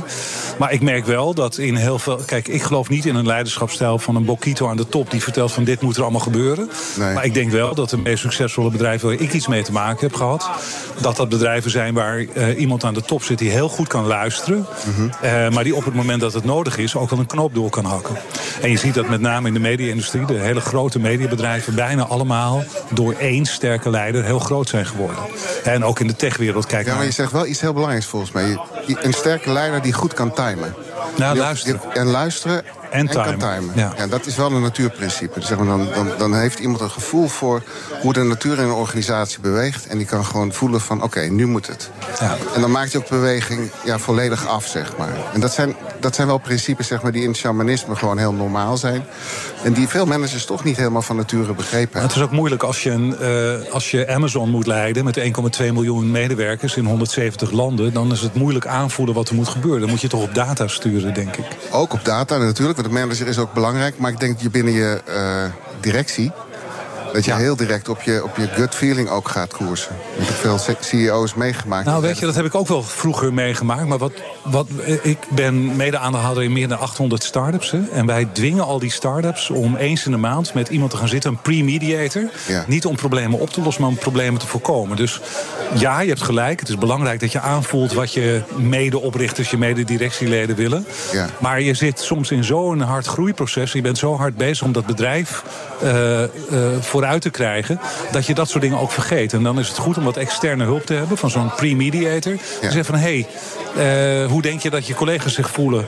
naar aanleiding van wat jij aan het doen bent? Ja, dus dan vraag je eigenlijk om reflectie vanuit het team zelf. Oké, ja goed. Maar je hebt een boek geschreven, Sven, De Shaman en de Manager. En, en, maar dan hoor ik je net hoe je de natuur erin fietst. Eigenlijk zit overal natuur in, toch? Als ik het zo Nou ja, dat vind ik wel, ja. Wij zijn, wij, wij- vind ik heel gek dat wij als mensen zeg maar, de natuur ingaan. Mhm. Ik denk, nou, we gaan niet de natuur, wij zijn de natuur. Mm. Dat is, al, dat is al heel vreemd, om die, dus zeg maar, het vorige gesprek ging over het milieu. Ja, sorry, maar dat is een reflectie van hoe wij zelf zijn, zeg maar. Wij zijn onderdeel van de natuur. En nou, vanuit shamanisme is dat al eh, eh, vanaf de oertijd bekend. En we zijn een beetje in een tijd gekomen waarbij we die connectie, zeg maar, eh, nou, lijken te vergeten. En nou, dit boek gaat eigenlijk over het herstellen van die connectie op een heel De praktische shamaan kwam manier. nou uit Siberië, zag ik trouwens. Ik, ik had Ja. hem heel ergens anders vandaan verwacht, de shamaan. Maar oorspronkelijk uit Ja. Siberië. Hij of zij die weet, is de oorspronkelijke term. En het gaat eigenlijk over mensen binnen een stam die de magische wereld met de praktische wereld verbinden. Ja. Kun je wat met dit soort boeken, Ruud? Als je heel eerlijk bent. Nou, ik ben niet zo van dit soort boeken. Maar ik eh, heb eh, een ander boek van Michael Pollan gelezen. Dat heet eh, How to Change Your Mind. En dat gaat over de impact van de LSD. En dat mensen die LSD gebruiken... het verband zien tussen allerlei onderdelen van de natuur en de mensheid. Dat vond ik een intrigerend boek. Eh, en Michael Pollan die schreef dat. En die vroeg mensen naar hun ervaringen. En toen zeiden die mensen, je moet het zelf ook een keer gaan gebruiken. Dus dat heeft hij gedaan. En toen ik dat boek dus toen dacht ik, ja, dat moet ik ook een keer meemaken. Dus dat heb ik ook een keer gedaan. Dus ik zie dat, dat verband, eh, zie je dan wel heel erg duidelijk. Ja. Wat heeft het je opgeleverd? Eh, een, een, een boeiend inzicht inderdaad in het feit dat, eh, dat we allemaal uit dezelfde basiselementen bestaan. Ja. Dat lijkt me een heel, heel belangrijk inzicht. Zeg maar. dat, dat is zeg maar waar shamanisme over gaat. En dat is, in die zin is de natuur overal. En is het ook gewoon heel... Je zegt je fietst de natuur erin. Maar ik denk dat de groep mensen gewoon een natuurlijk systeem... Ja, nee, maar daarbij kun je aangeven dat eigenlijk alles natuur is. Waarbij jij nu net zegt. Maar je zegt op een gegeven moment ook, soms moet je helemaal niets doen als leider. Gewoon even afwachten. Nee, ik zeg je moet niet doen. Is iets anders dan niets doen. Oké. En dat, dus niet doen eh, is het vermogen om te wachten op het juiste moment, waar ik het net over had. Zeg maar. En dat moment is het moment waarop het systeem draagkracht heeft. Nou, ik heb, ben consultant geweest heel lang. Ik heb echt interventies gedaan die ik te snel deed. En veel managers zijn veel te snel zeg maar, met hun acties voordat, voordat zeg maar, het systeem het zelf kan. doen, ze hun, doen ze hun acties al en ja, gaan zeg maar, als het ware voor de kar lopen. En vervolgens gaan ze klagen van ja, iedereen eh, leunt op mijn energie. Ja. Nou, als je dat principe begrijpt, dat scheelt een heleboel energie. Dat is eigenlijk ook waar het boek over gaat. Als je met de natuurprincipes meebeweegt, dat, de natuur is heel erg... En ken je wat hij zegt? Dat het soms verstandig is om even niet te doen? Ja, ik ben een doener. Dus, maar ja, zeker. Ik heb wel eens dingen te snel gedaan. Je hebt het net over timing. Ja, soms is het goed om mensen eh, om, om even te wachten. Maar als je, gaat, als je het gaat vertalen naar zeg maar, ondernemen. Hè, ik zeg altijd, achter elke goede ondernemer staat een goede manager. Hè, die ondernemer die is gewend, dat is een, van nature een optimist. Die is gewend om risico's te nemen. En het is goed te hebben om andere mensen achter je te hebben. Die zeggen van, hé, hey, misschien moet je toch even afwachten. Misschien moet je even timen. Misschien graag op een ander moment. Ja, dat gaat dus zeg maar over het, het, de inactieve kracht. Er zijn, zeg maar, er zijn managementboeken vol, of bibliotheken vol geschreven over de actieve kracht. Dat is de manager. Nou, dit gaat over het vermogen om te kunnen wachten. En onder andere als een van de vermogens, die eh, principes die beschreven wordt. Zeg maar. Ja, maar je hebt het op een gegeven moment ook over bewust worden en bewustzijn. Ja, superbelangrijk. Hoe belangrijk dat verschil ook eigenlijk is. Ja. Kun je dat kort toelichten hoe je dat bedoelt? Nou, we hadden net een gesprek over het weer, het klimaat. En we doen met z'n allen het spel van bewust worden. We moeten nog echt onderzoeken. We moeten onderzoeken of ons gedrag er invloed op heeft. Gigantische afleiding van, van gewoon verantwoordelijkheid nemen. Ja. Nou, het verschil tussen bewust worden en bewustzijn is dat bij bewustzijn, als je daarop stuurt als leider, dan, dan kies je zeg maar voor mensen verantwoordelijk maken, maar ook zelf verantwoordelijk zijn. En ik durf wel te zeggen dat heel veel managers allerlei duikmechanismes hebben om dat daaraan te ontkomen. En die kiezen dan vaak voor bewust worden. Van ja, we moeten nog even een training, of Ja. nog even een workshop of nog een boek. Of Maar nog- zijn ze dus eigenlijk een 9 in jouw vaktaal. te- En ja, niet een ja, in 10. mijn vaktaal is, is, is dat een 9. Ja. Of een 9,99. We gaan, die gaan zeg maar tot het gaatje, maar niet er doorheen. Hmm. En veel processen houden op zeg maar, vlak voor dat gaatje. Zonder dat we er erg in hebben, gaan we toch niet helemaal door. En eh, voor mij een van de belangrijkste principes, zeg maar. Dat het, dat, Ja, je beschrijft het ook dat die mensen uiteindelijk hun verantwoordelijkheid niet pakken, de negens. Pas als tien durft het... Nou, ik denk dat, dat, dat die negen in ons allemaal zit. Dat, dat, we heel, dat we heel veel excuses hebben waar we soms... eh, terwijl we weten dat het eh, belangrijk voor ons is, voor onze gezondheid. Maar jij kan ook regelmatig een 9 zijn, zeg je? Ja, zeker. Ja. Maar ik weet, ben me wel bewust wanneer ik het aan het doen ben. En ik ben me ook bewust wat voor soort rare excuses ik bedenk... om niet voor mijn verantwoordelijkheid te gaan. Ben jij 9 of een 10, Ruud? Nou, het hangt van, vanaf waar ik ben. Vandaag ben ik een 9,5. Ja, een 9,5. Ja, dat is geen 10. Nee. Nee. Eh, veel verhalen vertel je, dan, maar ook de dieren, de rol van de dieren... en ook eh, de energie die ervan uitgaat. Is er intrigerend? Je bent nu ook weer bezig met dat traject, begrijp ik. Je vertelt hier een verhaal over paarden... die kunnen aanvoelen of mensen geschikt zijn in een bepaalde rol. Zeker als manager. Ja, dat is heel gek. Als Bizar mens, verhaal als je het leest. als mens zijn wij geneigd om te denken dat de natuur... een beetje een onnozel systeem is als we niet uitkijken. Terwijl, terwijl de natuur weet heel veel. En als je in een paardenveld gaat staan met bijvoorbeeld een directieteam... Ja, bekend eh, verhaal, hè? De, de horse whisperer. hè? Ja, Dan, weet, dan weet zo'n paard automatisch of de leider die zeg maar, de mensen in hiërarchie gekozen hebben... of die ook qua ordening de leider is. En heel veel organisaties zijn gewoon niet in orde. Er zitten gewoon leiders die op de verkeerde plek staan. Maar ik, ik lees dat zo'n paard duwt mensen ook letterlijk weg en zo. Die doet gewoon iemand uit een team en die zet iemand anders in het midden van het team. Je weet niet wat je ziet. Ik vond het ook moeilijk te geloven toen ik voor de eerste keer eh, dat Ik meemaakte. ben er toevallig net een boek over aan het lezen. Het heet Flying Leap Change. Ik Want een paard kan in galop, heb ik begrepen, dan veranderen naar draf of iets dergelijks. En zo'n zo'n switch maken, dat kan je dus ook met je leven en in het bedrijfsleven eh, doen. maar ik ben zelf geen paardenman, dus ik heb het zelf nooit ervaren. Het interessante Interessant van boek. paarden is dat ze dat dus gezamenlijk kunnen. Als ze in orde, omdat ze in, in een ordening eh, zeg maar bewegen, kunnen ze dat gezamenlijk. En organisaties kunnen vaak gewoon niet in een galop de markt bestoren. En dat, is, dat vind ik heel belangrijk aan het principe van ordening. Is dat als het in orde is, dan klopt het. Ja. En voor de leider van dit moment is het misschien wel een goed boek om eens te gaan lezen. Dat je het ook van een andere kant kan aanvliegen. Nou ja, als je, als je zeg maar klaar bent met de traditionele managementliteratuur... die gaat over grip krijgen, intelligent zijn, eh, nog slimmer worden... en je zou het eens willen verdiepen in wijsheid... dan zeg ik, nou, lees dit boek. Het is een praktisch, makkelijk boek. Ik heb het ook gewoon gecomprimeerd geschreven. Er zitten QR-codes bij. Als je denkt van, nou, ik wil een bepaald principe verder uitdiepen... dan kan je dat eh, beluisteren. Ja. Nou, En, de eh, shaman en de manager. Elf oerprincipes van leiderschap leiderschap. Sven Goedboet. Heb je goed gedaan, Sven. Dankjewel. Ja. Nou. Tot de volgende keer. Dankjewel. Tot ziens. Tot veel succes.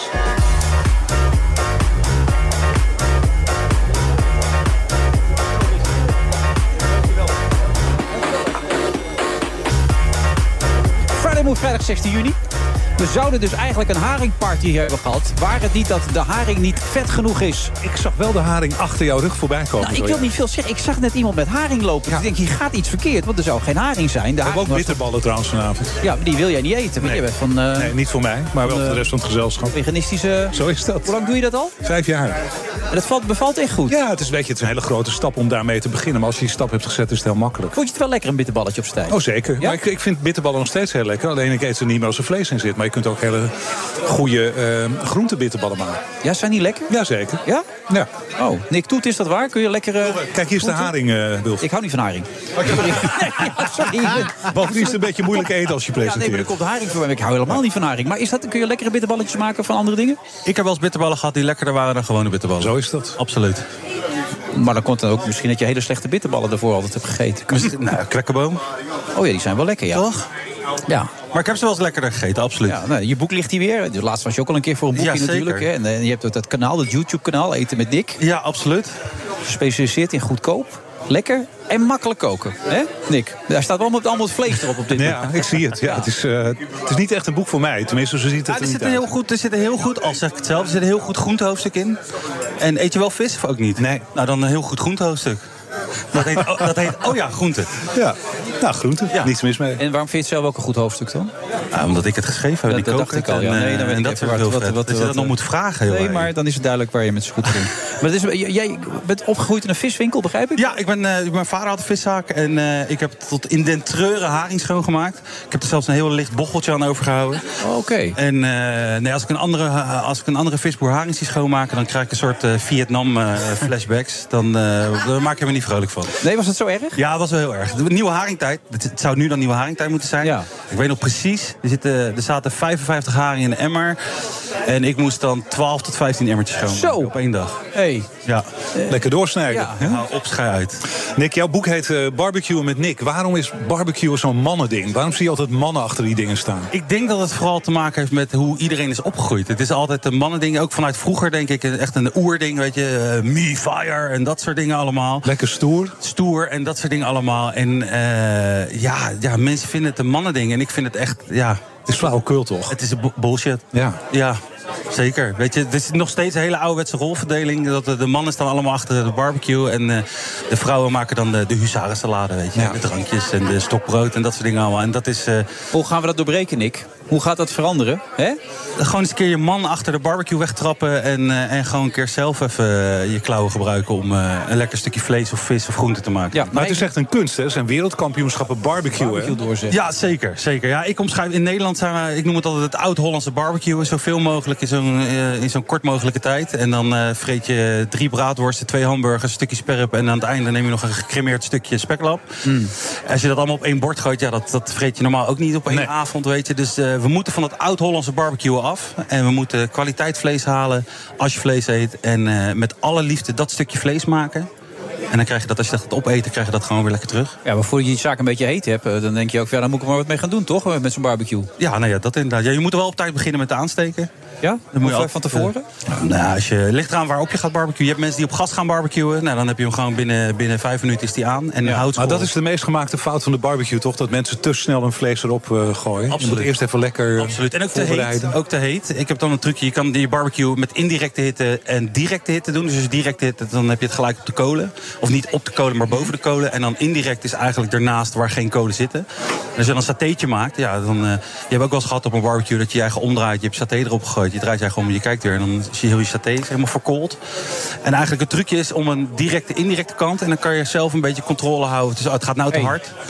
Nee, dit, nee, is echt, ik leer hier eh, continu. Het Maar doe je dat op door. Ibiza ook wel eens barbecuen? Ondanks die? Zeker, Ja? zeker. Je kan het met mais en andere dingen heel je goed. een En ik heb, erop je, ik, ik- als jullie bij mij bezoek, bezoek zouden komen, dan Ja. maak ik natuurlijk voor jullie ook gewoon lekker visje of een biefstukje. Is dit een uitnodiging? Zeker, Nou, altijd zeg. Altijd Ik welkom. moet net geen oprijlaan van drie kilometer heb. Dus ja, dat wordt nog even zoeken dan ook, denk ik. Ja, toch? Je hebt niet eens bereikt daar. Als je daar een lekker band krijgt, kun je daar ben je niet eens bellen. kom ik je halen. Als je te lang wegblijft, dan kom ik je halen. Levensgevaarlijk allemaal. Hey, maar Nick, even naar die haring. Want jij wil er eigenlijk niet over over praten. Het is natuurlijk voor jou een jeugdtrauma. Nu begrijp ik het ook wel. Vietnam, dat is wel heel erg. Maar waar, blijven ze nou? Wanneer komen ze? Ja, het, volgens mij, wat ik, het laatste wat ik heb gelezen... dat ze hebben t- eh, te laat hebben ze plankton gegeten, want dat eten ze. Oh. En dat moet eh, eigenlijk nog door een kleine lichaampjes verwerkt worden. En dan zijn ze vet genoeg. Volgens mij zelfs met een... heel gezegd. Het eerst wat koud was en nu is het heel warm. Gaat snel. Ja. Maar plankton komt er dus ook nog bij. Ja, volgens mij heeft het ook te maken met het eten. En eh, volgens mij moeten ze s- 16% vetgehalte hebben, als ik het goed uit mijn hoofd heb. Of 23 zelfs. En dan heb Ja, je echt, nou? echt een maatjesharing. Gewoon. Vet, Wilfred. Gewoon vet. vet. Gewoon ja, nee, maar omdat het niet vet genoeg is, zijn ze er niet. Anders Nee, ja. hier een groot feest geweest. Ja, dat inderdaad, ja. Ja, het is nu een beetje bij Elpen hier. Ja, hè, nee, met die bitterballen. ja. bitterballen. En een hoe komen ze eigenlijk aan deze haring? Is die van vorig jaar of zo? oude haring. Oude haring is dit geen nieuwe haring dit. Oude haring. kan je echt het verschil proeven tussen oude en nieuwe haring? Ja, absoluut. Ja? Ja, ja, ja, dat heeft echt, de nieuwe haring is echt zoveel malser. Het vet druipt eigenlijk bijna vanaf. Zo vet Dus is, eigenlijk eh, als, je, eh, hè, als het haringseizoen begint, dan is de haring echt top. En daarna wordt het gestaag steeds minder, omdat hij steeds ouder wordt. Ja, en ook als het later in het jaar, dan worden ze eigenlijk wat stugger, wat steviger. Wordt het, het, het vlees wordt ook harder en dat heeft dan te maken met... Ja, het, eh, Maar wat is dan het ideale moment om een haring te eten? Meteen aan het begin of ergens na een maandje of wat? Of? Ik denk eh, halverwege de nieuwe haringtijd. Dat dan de haring echt op zijn best is. Eh, lekker uitje erbij. Voor de mensen die het lusten dan, hè? Ja, dat is heel belangrijk, ja. Want ik denk niet dat ik hem over een week wel of over een maand ook wel lekker... Nee, dan wordt het Nee. ingewikkeld. Ja. Maar goed, hij gaat... Ik kan me overigens wel voorstellen dat mensen haring... dat dat nou net iets is waar je... daar hou je van of niet? Ja, het gek is sushi of zo eet ik wel. Of tonijn, weet je wel. Dat soort dingen allemaal. Dus dat is geen enkel probleem. Nou ja, goed, kan gebeuren allemaal. hey, Nick, dat... Wat zit je nou te lachen? Het zijn directrice zit heel hard te lachen. Zeg. Ja, dat wordt hier serieus genomen hier natuurlijk allemaal. Hey, hoe, is dat met dat online platform? Dat gaat dus ontzettend goed, maar er staat ook een bepaalde druk op natuurlijk dan om dat goed te houden. Hoe doe je dat? Ja, ik ben, ik, mijn instelling is altijd gewoon lekker doorgaan. Met wat je, wat je leuk vindt en wat je doet. En soms dan eh, ben je helemaal kapot. Maar dan. eh, eh, nee, ik, ik heb de lat voor mezelf zo hoog liggen altijd. Dat ja, ik moet, ik moet daaraan voldoen. Voor mezelf ook. Eh, En als ik dat dan. Als ik, ja, Mhm. Maar help dat- even mee, hoe, hoe werkt dat dan bij jou? Wanneer ligt de lat dan heel hoog? Wat moet nou je ja, dan ik heb doen? wel eens filmpjes, maak ik filmpjes. En bijvoorbeeld een frikandel heb ik wel eens gemaakt. Tijd, een frikandel? Een frikandel, helemaal zelf, helemaal from scratch. Oké. Vlees malen, broodje malen, zelf curry maken, zelf mayo maken. Dat allemaal net niet hetzelfde uittelen. En dan eh, eh, aan het einde van de rit, als ik het dan gemonteerd heb... Nou, dan, dan is het gewoon niet wat ik, dan is het gewoon niet goed genoeg. En dan zeg ik gewoon van ja, dan gooi ik hem niet online. Die frikandel heb je gewoon weggegooid? Nee, ik heb hem wel opgegeten, maar het filmpje heb ik weggegooid. Maar Nick, hoeveel mensen zien normaal eh, een van die filmpjes van jou op jouw kanaal? Eh, in coronatijd was het echt, dan praat je echt over getallen 200, 300.000. En eh, toen corona voorbij was, ja, dan kon iedereen lekker uit eten. In coronatijd ging iedereen thuis natuurlijk zelf eh, eten maken. Eh, maar nu gemiddeld, ik denk dat tussen de 40 en, en 60, 60.000. En zitten er heel veel gesponsorde items op? Of doe je ook nog wel dingen die je zelf echt le- leuk en lekker Ik vindt? probeer een hele goede balans te maken altijd. Want eh, ik wil niet te veel dansen naar de pijpen van, eh, van, eh, van de, grote brands, om het maar even zo te zeggen.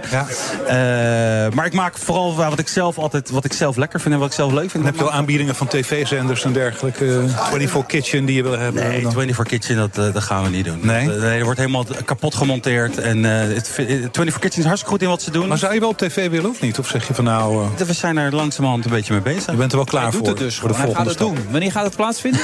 Hij is heel rond, man. Ik mag nog helemaal niks zeggen, jongens. Jawel, je Ik mag wel nog wat zeggen. Je zit hier Nee, gewoon nee, maar man. gewoon Nee, even onder ons gewoon even. Tussen nu en. Nee, gewoon een wanneer? beetje, een beetje aan het ontdekken wat er allemaal nog te doen nu en is wanneer na? YouTube. Wilfred, hou je mond. Maar een paar weken, een paar maanden, we hebben het over. We zien het dan misschien wel over een half jaar, misschien over een jaar. collega's, SBS? Misschien wel, misschien wel, weet niet. Zijn ze al bezig daar? Ik weet het niet, joh. Marco Kennen, dus een barbecue. Dat die maar gebeuren. Ja, het directeurtje mag daar barbecuen, ja.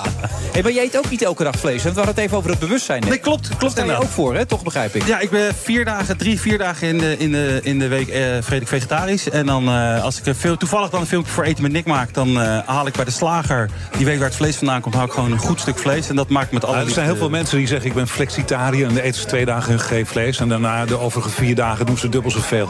Ja, nee, ja, Als je kijkt naar de hoeveelheid vlees die wordt verkocht... wordt niet minder, hè? Nou, ik, niet heb, ik, minder. heb, ik heb het ook wel eens met, op YouTube, weet je. Dan heb ik een vegetarische curry gemaakt met zelfgemaakte paneer en, en, en zelfgemaakte naam. En dan worden mensen gewoon boos dat ik iets vegetarisch maak. Nou ja, dat is hetzelfde als met die weerberichten. hè. Bizar dat Ja, het zo gevoelig ligt, toch? Ja, nou ja, dat Waarom wordt iedereen dingen. zo boos in dit land? Nou, ik denk dat je, dat je vooral, eh, wat, wat volgens mij zei Helga net, eh, dat net ook, van eh, ja, zodra je aan dingen gaat zitten waar mensen eh, waarde aan hechten, nou, dan, worden mensen, dan worden mensen snel boos. Ja, maar gelijk zo extreem boos ook. Je krijgt een bedreiging, je kinderen worden bedreigd. Dat gaat helemaal nergens Maar jij over. wordt ook al bedreigd. Nou, bedreigd is een goed woord. Maar ik zie het altijd maar dat mensen heel veel passie hebben voor lekker eten. En dat eh, die passie soms hoog oploopt. Zo zie ik. Hey, is dat tussen jou en je vader wel goed gekomen met al die haringsnijden? Of, of, eh, Nee, ik spreek er niet meer. Nee? Nee. Dat zul je altijd zien, hè? Haring, ja. Ja, komt allemaal door de haring. Komt allemaal door de nieuwe haring, jongens. ja. Maar goed dat je er was, Nick. Ja, top, dankjewel. Eh, succes Eh, met je boek ook. Ja, nee, ja, dankjewel. Je mag hem, eh, je mag hem houden, Wilfred. Leuk man, maar je kunt hem ook overal in de winkel krijgen. Je toch? kan hem overal in de Oh, winkel man, krijgen. goed zeg. Speciaal voor Vaderdag. Als je nog geen leuk cadeau hebt, haal hem alsjeblieft. Helemaal Ik denk, dat, denk dat ze er thuis vergeten zijn. Dus dan neem ik hem zelf mee en dan leg ik hem ergens neer zo. Top, top man. Barbecuen met Nick. Nick doet nu te krijgen. 65 recepten ook maar liefst. Zeker. Voor, oh, ook voor anti-helden zie ik Ook voor anti-helden, ja. Niet alleen barbecue-helden. Nee, nee, we hebben speciaal, of tenminste, ik heb speciaal gekeken naar andere, andere barbecue-boeken. En het is allemaal donker en vuur, eh, grote letters en weet ik het allemaal. En ik dacht van, nou, ik ga het even wat anders doen. Ik doe gewoon lekker pastelkleuren. Ik doe mijn hoge sokken, een korte broek aan. En, eh, Het is heel zacht. een zomer, heel warm. Een zomerbarbecue. Heel goed, Nick. Ja. Ga is onze DJ Thomas Robson ook heel blij mee. Had ik dat al gezegd? Dat had ik al gezegd, ja. Tot zo na de reclame. Waarom wachten? Dit is het moment. Je bent toe aan TUI. Want de beste last minute naar Turkije boek je nu. Acht dagen al vanaf 349 euro per persoon. Boek op toei.nl, in de TUI-app of bij je reisadviseur. TUI. Live happy. Als ondernemer weet je dat tijd jouw meest waardevolle bezit is. Weet je ook waar je altijd te weinig van hebt? Inderdaad, tijd. Maar daar komt vandaag verandering in. Stap nu over op Teamleader Focus. De gebruiksvriendelijke bedrijfssoftware die CRM, facturen, offertes en projectmanagement samenbrengt op één overzichtelijke plek. Zodat jij meer tijd hebt om te doen waar je echt goed in bent. Tijd om te ondernemen. Teamleader. Kijk op focusopjebedrijf.nl. Move wordt mede mogelijk gemaakt door Otto Workforce en TUI. Live happy. BNR Nieuwsradio. The Friday Move. Blijft zonnig en het wordt de komende dagen steeds warmer. Ik heb gevraagd om een schorsing van dit gesprek. En ja, of dat leidt tot een handtekening, dat denk ik vandaag nog niet. We hebben een heel goed gesprek gehad. eh, ook indringend. eh, over een natuurlijk heel moeilijk onderwerp. Wilfred Genee. Ja, ja, ja, ja, ja. Razend enthousiast. Weten dat we hier in Amstelveen. Paardenburg, daar zitten we. Ruud Hendricks is mijn co-host. René Bejocht er ook nog bij. Daar gaan we. Wat een feest, hè? Jongen, en dat op BNR Nieuwsradio. Wie kan dat allemaal bedenken? En laten we hopen dat het zo blijft. Dat ze die eh, frequentie kunnen behouden. En zo niet, dan kunnen ze bellen. nee, geintje kan jongens. Tuurlijk moet Hè? kunnen, toch? Tuurlijk, hè? Moet kunnen. Ik doe dit al 14 jaar, wist je dat? Of zou het toch 15 jaar zijn? Ja, en als nou het enige was wat je deed... maar je bent natuurlijk toch best een druk man. Ik had eigenlijk gedacht dat je wel op vakantie zou zijn... nu de tv even stil ligt. Hoe vind je trouwens dat Marcel en Gijs het doen? Best aardig. Ja, toch? Nou, het is een heel ander soort programma. Maar... Ja. Vind je dat bij- SBS past of niet? Nou, het is wel iets meer publieke omroep, heb ik het Ja. Heb jij dat ook? Denk je dat ze blijven? Denk je dat er een tweede seizoen in zit? Jij bent eh, de kenner bij uitstek op dit vlak. Nou ja, of ze moeten het rond half acht gaan doen natuurlijk. Hè? Maar ja, ik weet Ja, dat het is ook nog een idee. Ja, ik denk eerder dat dat de bedoeling is. Ja. Dat kan natuurlijk niet terwijl wij er zitten. Dus Nee. wij zitten er ongeveer 300 dagen per jaar. Oh, de gedachte alleen alweer. Wat een seizoen krijgen we volgend jaar. Maar goed, dat Dat is geldt ook leuk? Ja. Gaat toch hartstikke goed? Nee, maar ik kan niet op vakantie, want ik moet optreden. Want Nee, dat merk ik ik. nummer Je moet zingen je dat, natuurlijk. René? Ik heb het helaas ook gehoord, ja. Heb je het meegekregen? Ja, ik heb het meegekregen. Gaat hij weer met z'n allen? In het zonnetje. Maar jullie treden echt tof, hè? Eh, Andy en Wesley en jij, hè? Nou, ja, het zit zo. 25.000 euro. Het kost 25.000 euro. En dat gaan, Voor drie minuten? En dan gaat 24.000 euro van Wesley. nee, Wesley wil eigenlijk niet optreden. Hm. Dus die zegt, dan maken we er zo'n hoog bedrag van... dat als iemand het echt doet, ja, dan moet hij het maar doen. Maar in principe hoef ik niet. Ja, en voor een goed doel misschien? Is dat nou niet ja, een dat idee? zou ook nog een optie kunnen zijn. Maar in dit geval is jij dus wil vooral heel graag optreden. Ik doe het voor niks. Ik sta Ja. er ook. Ja, ik vind het En fantastisch. hebben jullie ook gerepeteerd? Of is het alleen in de Nee, dat ging mis. Oh. Want we hadden een repetitie om kwart voor zes van de week. En ik zat in de file, dus een beetje aan de late kant. Ik zeg, jongens, jullie zijn er alvast. Ik, ik zorg dat ik om kwart voor zes ben. En toen kwam ik dan om kwart voor zes, want dan was de repetitie om tien voor zes. Toen waren ze er niet. Toen zaten ze nog ergens in een eh, etablissement wat te drinken. Ja, nou, dat hebben we allemaal meegekregen. En daarna En hebben we opgetreden. geweldig. En iedereen zegt daarna van geweldig en zo zuiver ook. Het was fantastisch. En Nou, nou, scoort hij ook een beetje? Die, eh, dat dat is- nummer? hij gaat best lekker volgens Ja? mij. Maar hij is pas twee Staat- weken uit. Staat hè? hij ergens in een top 40, 50 of dat moet ik even gaan navragen. Dat Freddy wel Bolland zit toch? steeds Dat aan de app en belangrijk. te bellen. En, eh, Die heeft... eh, ja, Freddy heeft hem geschreven, hè? Oké. Ja, dat is wel niveau, hè, dit, hé. Ja, nee, nee. Hey, Je hebt het over hè, in die army nou, hè? Genie, dat soort nummers. En dan Ja. nu Aperolletje. En Het mooiste nummer wat hij geschreven heeft was eh, Summer of 71, hè? Bolland en Bolland. Ja? Prachtig, ja. Echt heel mooi. Maar het Aperolletje vind ik persoonlijk net iets... eh, Een net iets andere categorie. Iets eigen tijds, zou ik zeggen. Zomers, toch? En wat is toch geweldig dat zo'n man die zoveel heeft meegemaakt... die staat er dus bij het feest op het plein. Die staat alles te coördineren. En die gaat ons ook nog motiveren. Zegt, jongens, zet hem op eh, zometeen. En eh, ook met die handen in de lucht ging allemaal opnames maken. Hij heeft overal op social media allemaal dingen gepost. Ik, nou, is toch geweldig? Maar ik denk dat hij nog nooit zo'n nummer geschreven heeft. Dus Nou, hij, wilde, een hij wilde heel graag een zomerhit schrijven. Ja. Dat was zijn doel. Oké. Dus dat is, en hij, vandaag kreeg ik ook weer een mailtje. Kun je John de Mol bellen? Misschien kunnen we het overal over alle stations gaan Maar regelen. zit er nog een, eh, een, eh, een meer follow-up met met, eh, met eh, carnaval aan te komen ook, of niet? Carnaval zie ik ook wel eh, bij jou en Andy en uh, nou, nee, dat, dat- niet met mij. Nee? Wel met mij, maar niet met... de, de- maar dat zit nog in, het- in, in de pen. Oh, zit dat Er gaat iets heel bijzonders gebeuren met Maar carnaval. net zoals in dat, zeg maar, dat programma wat nu loopt, waar jullie zaten, iedere dag dat boek gepromoot wordt, zo doe jij overal waar je komt nu deze Ja, single. Het interesseert me geen hout. Het flikker, ja. Nee, je gooit het programma. gewoon iedere keer weer in. Ja, dan gaat hij weer, dames en heren. Daar komt hij! In het zonnetje, op het terrasje, op een balkonnetje. Ja, nee, ik denk kunnen dat je er nog even aan moet werken, want er gebeurt hier op het terras nog niet veel. Ja, jij hebt een koptelefoon zijn op. ook een aantal keren los geweest eh, vanmiddag. Oh, echt? Nee, toen was jij er nog niet. Oh, oké, Nee, maar het staat enorm aan. Er kwamen net boten voorbij varen zelfs met... eh, Serieus waar, er kwam een boot voorbij net met dat nummer op. toekomstige nummer één hit, ja. We hadden het net over het aantal doden in Kiev. En toen kwam er een boot voorbij varen. en Die begonnen te zingen Aperolletje. Ja, het was een vreemd contrast. Maar dat, oh, nu, kijk, nu kunnen de mensen ook horen wat wij zeggen. Ja. Ze hadden even de microfoon opengezet. Of de, de box opengezet. René, waarom ben je hier eigenlijk? Eh, o- ja, allereerst op jouw uitnodiging. Ja, dat is waar Eh, ook, Ik heb iets te verkopen, maar we hadden ook nog iets inhoudelijks te bespreken. Dus ik weet niet wat je eerst Nou, laten we doen wat jij wil verkopen. Wat wil je Nou, verkopen? Ja, kijk, wat hartstikke leuk is. Ik heb gehad? vorig jaar zeven keer eh, de Cine Music Experience gedaan. En dat is met een heel groot orkest veel muziek spelen. Dat was toen in kerken en in één theater. Zo'n enorm succes. 600, 700 mensen iedere avond. En nu gaan we dat eh 25, 30 keer doen. In theaters door heel Nederland. En je moet je zo voorstellen. Je gaat zitten en daar komen alle bekende scores voorbij die je kunt voorstellen. Met een aantal nieuwe, waaronder Indiana Jones en Top Gun.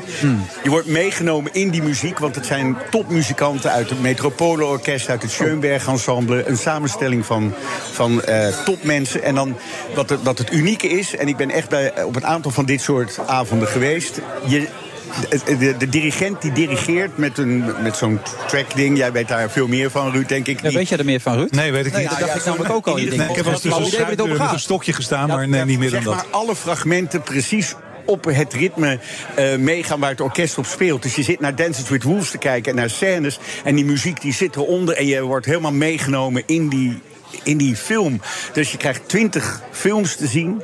Daarna, als je thuis komt, denk ik dat je een lange nacht tegemoet gaat. Omdat je al die films weer, weer wil bekijken. Omdat het zo intens is, die beleving tussen muziek, film en in een theater zitten. Het is gewoon een waanzinnige... Wat is jouw dat aan elkaar of Ja, niet? zeggen, wat is dus jouw om de, om de drie composities kom ik eh, vertellen over, de, eh, over de, de componist, over de film, over de acteurs die erin zitten. Soms laat ik zelfs eh, stukjes Spielberg en John Williams zien dat ik ze geïnterviewd heb. En, en, ver- en, en, ehm, en verhalen over, over de mensen. En, Maar je bent er dus altijd bij? Ik ben er altijd bij. Want je zei net, ik ben een paar keer er geweest. Ik vond Ja. het geweldig. Ik denk, die andere keren was hij er niet. Maar je bent er altijd bij, hoor Ik ik, ben nu. er altijd bij en ik geniet er iedere keer weer van. Ik vind het zo intens. Ik merk het ook aan. Het begint Leuk, met de, de, opening is, is Forrest Gump en dat thema. En dan zeggen men, je ziet aan mensen die zitten al te huilen als ze die muziek horen. Want je, je wordt meegenomen en in die film waar je die man ziet. eh, Ik weet niet of je Forrest Gump gezien hebt. Ja, Nou, natuurlijk. een geweldige film. En dan hoor je dat, thema voorbij komen en je voelt echt. En natuurlijk krijg je ook eh Morricone en... en Out of Africa ook of niet? Out of Africa zit er dit jaar voor het eerst. eh hebben we vorig jaar niet gedaan, nu wel. Maar de Good, the Bad en the Ugly ook. Nee, want dan doen we dus gewoon eh, ehm, van Morricone Once Upon a Time in the West. Ja, ja, ja. Maar weet je, het is Je een heel hè? Mooi, mooie onderneming. De, eh, de, de man die dit allemaal organiseert... Ja. heeft zijn geld verdiend in de farmaceutische in- industrie. Maar daar heeft hij veel verdiend. Heeft hij Och, veel verdiend. heeft hij heel veel kon- verdiend. Hij kon niet meer tegen het leven daar. En toen Nee. dacht hij, nadat hij zijn laatste handtekening had gezet... en al zijn geld heeft gekregen, Ja. wat ga ik nu doen? En toen dacht hij, ik hou van filmmuziek, ik begin een orkest. En heeft toen al die mensen ingehuurd en is dit gaan organiseren. En dat wordt een steeds... En moet er geld bij of is het ook, maakt het ook winst? Nee, nu nog niet. Maar hij, hij is een, een doorzetter en hij wil dit Ja. Over een aantal jaren gaan doen... in de hoop dat volgend jaar of jaar daarna daar wel gewoon geld En hij heeft ermee verdiend, hoor ik, met die pillen. Dus dat is, zit wel goed. Er hoeft geen zorgen over met het maken. Eh, als hij dat al gedaan heeft, dan weet ik daar niks van. Maar ik zie hem dit eh, ondernemen, dus Ja. ik neem aan dat hij dat... eh, Daar hou je van, hè, ondernemers. Daar Mensen die risico's van. durven nemen. Zeker, Ja. zeker. Maar als deze man een probleem heeft, kan hij altijd even bij Wilfred terecht. Want met het apparolletje is dat geen probleem meer. Na, Je na dat deze dat een hit- ik stel je voor Ja? dat je hem ook een keer gaat uitnodigen. Want dat is een leuk verhaal, mooi verhaal. Het is sowieso een leuk verhaal. Hey, maar dat, dat doe je er nu bij. Maar je doet nog andere dingen ook, neem ik aan, nog steeds. Of Ja, ben je dus nu ik, een beetje... En ik heb een eigen theatershow waar ik nu twee jaar eh mee loop. waar- Of mee loop. Ja, mee loopt Ook te leuren, wil je zeggen, ja. loopt te leuren. Nee, dat is, nou ja, dus je probeert het te verkopen. Nee, maar eh, en dat, dat is echt leuk. Dat is twee uur en een kwartier echt alleen maar praten over eh, interviews. Stukjes interviews laten zien met George Clooney, Meryl Streep. Over thema's. Niet zozeer van toen deed ik dit en dat. Maar het gaat over Nee, het is minder zijn. ivonieachtig. Het is gewoon meer Nou, nee, kijk, beschouwend. is het. het. verschil tussen Ivonie en mij is dat ik altijd luister in interviews. Oké. Dus het, het punt Ja. is van, je krijgt echt hele leuke eh, delen van gesprekken te zien. Ja. Over van, wat niet altijd uitgezonden is, maar wat wel, omdat je nu tijd hebt om bijvoorbeeld iemand echt een gedachtegang te laten zien over. Meryl Streep bijvoorbeeld, die vertelt over hoe zij de wereld en het acteren werkelijk ervaart. En dat is soms best opzienbarend, zeg maar. Ja. Of dingen die niet goed gaan. Ik ben zo oud. eh, ben je al zo oud? Ja? Of zeg maar, ik ben zo jong begonnen. Dat Ja. weet Ruud ook, want die Zeker. was ooit mijn baas. Zijn gelijk begonnen En, ongeveer. eh, Ja. Die was toen ook jong. Ja, ja, ja. En, maar ik heb bijvoorbeeld Bette Davis nog geïnterviewd. En eh, dat, dat is natuurlijk echt, Ja. echt heel lang geleden. Drie jaar voordat ze overleed. En eh, dat interview ging helemaal verkeerd. Omdat, Oh. omdat ik zeg maar op mijn Ivonie-manier zat te interviewen... van heel erg laten weten dat ik alles gelezen had... en dat Ja. ik precies wist. En ik vergat eigenlijk helemaal te kijken naar... wat er precies met die mevrouw aan de hand was. En die mevrouw, die was, ik wist haar geschiedenis beter dan zij zelf. En achteraf kwam ik erachter dat ze al in zo'n ver gesta, gevorderd stadium was... dat ik daar als een hele enthousiaste en wijsneusachtige journalist vragen zat te stellen... terwijl dat helemaal voorbij ging aan de vrouw. Die, eh, toen werden we er ook uitgezet. Oké. dat zij zegt, dit is niet goed voor mij. En dat had ze achteraf, toen ik het terugzag, ook helemaal Komen gelijk in. Maar dat soort fragmenten zitten er dan in. Dingen die fout gaan, dingen die goed gaan. Maar dus jij hebt ook wel eens last gehad van het moment dat je je eigen mythe ging geloven. Zoals Ruud aan het begin van deze uitzending zei. Mm, ik geloof niet dat ik daar... Zei Ruud dat over mij of over Nee, zichzelf? over zichzelf. nee, ik zei het over mezelf. Ja. En ik zie het bij meerdere mensen in de media die echt denken dat, ja, dat ze geweldig zijn, onfeilbaar zijn. Nee, daar heb ik godzijdank geen last van. Ik denk wel dat je op een gegeven moment... Ivonie wel, denk je? Ja. Dat denk ik wel, ja. Ja? Maar, maar weet je, laat ik even Nou, dit- eh, eh, nazetten dat hij een ontzettend professionele en eh, goede televisiemaker is. Hè? Dus dat Prachtige dingen. het niet om. Het, het lastige van in de mythe gaan geloven zie ik natuurlijk in Hollywood heel veel. Want heel veel filmsterren hebben daar last van. En uiteindelijk is dat je ondergang. Want als je zo in jezelf gelooft en je organiseert om je heen alleen maar mensen die ja en nee zeggen. En die voor jou, of die doen wat jij zegt. En je verveelt je, want je hebt iedere week weer meer geld. Ga je aan de rotzooi en de drank. En je richt jezelf. Je gaat helemaal. Dat, ik bedoel, het is- ik kan bijna in het algemeen zeggen dat het zo werkt. Want dat is wel de, de andere kant van beroemd zijn, zeg maar. René, is er ook nog iemand die je nooit voor de camera hebt gekregen en die je al zoveel jaren wil interviewen? Jack Nicholson. Ja, ik heb hem één keer ontmoet, Jack Nicholson. ik, Echt waar? Ja, ik bij de, bij de dames enkelspelfinale in 1992. Die heb ik op Wimbledon gezien. Naast Jack Nicholson, Neil Armstrong, Lady Di voor mij en Phil Knight, de oprichter van Nike. Ik werd verplicht door mijn bazen van NBC in New York om naar Wimbledon te gaan. Ik heb niets, niets met, eh, met tennis, maar zij wilde dat ik daar naartoe ging. En ik kwam er in een VIP-VIP-ruimte. Dus binnen de VIP-ruimte van Wimbledon heb je nog een VIP-ruimte. En daar komt een man om af en zegt: Hey, I'm Jack. Ik zeg, hey, I'm Ruud. En ik dacht, hey, dat is Nicholson. En ik wilde hem dus ook interviewen, want ik deed in die tijd ook nog tv. Ik zei, hey Jack, eh, nu we elkaar toch zien, kunnen we... Zei- Toen zei hij, weet je, Ruud, you need me more than I need you. En, en, en, en dat is zo. En het mooie is, eh, ik heb hem echt regelmatig ontmoet. Hij doet, hij, hij kan nu niet meer, want hij, heeft, hij is dement aan het worden. Maar hij deed nooit tv-interviews. Ik heb hem altijd gevraagd voor tv-interviews. En eh, zelfs zo dat op een gegeven moment, de laatste keer dat ik hem zag in Cannes... toen zei hij, je gaat me toch niet weer vragen of ik een televisie-interview doe. Hij deed dat niet en had daar een reden voor. Want hij zegt, dat is slecht voor de acteur. Dus hij doet persconferenties. Hij praat met jou en mij over zijn werk. Maar hij Ja. vindt dat op het moment dat hij voor een groot publiek op televisie gaat praten... dat eh, in, die, in die korte eh, momenten dat hij dan op televisie is... en heeft bijvoorbeeld zijn dag niet...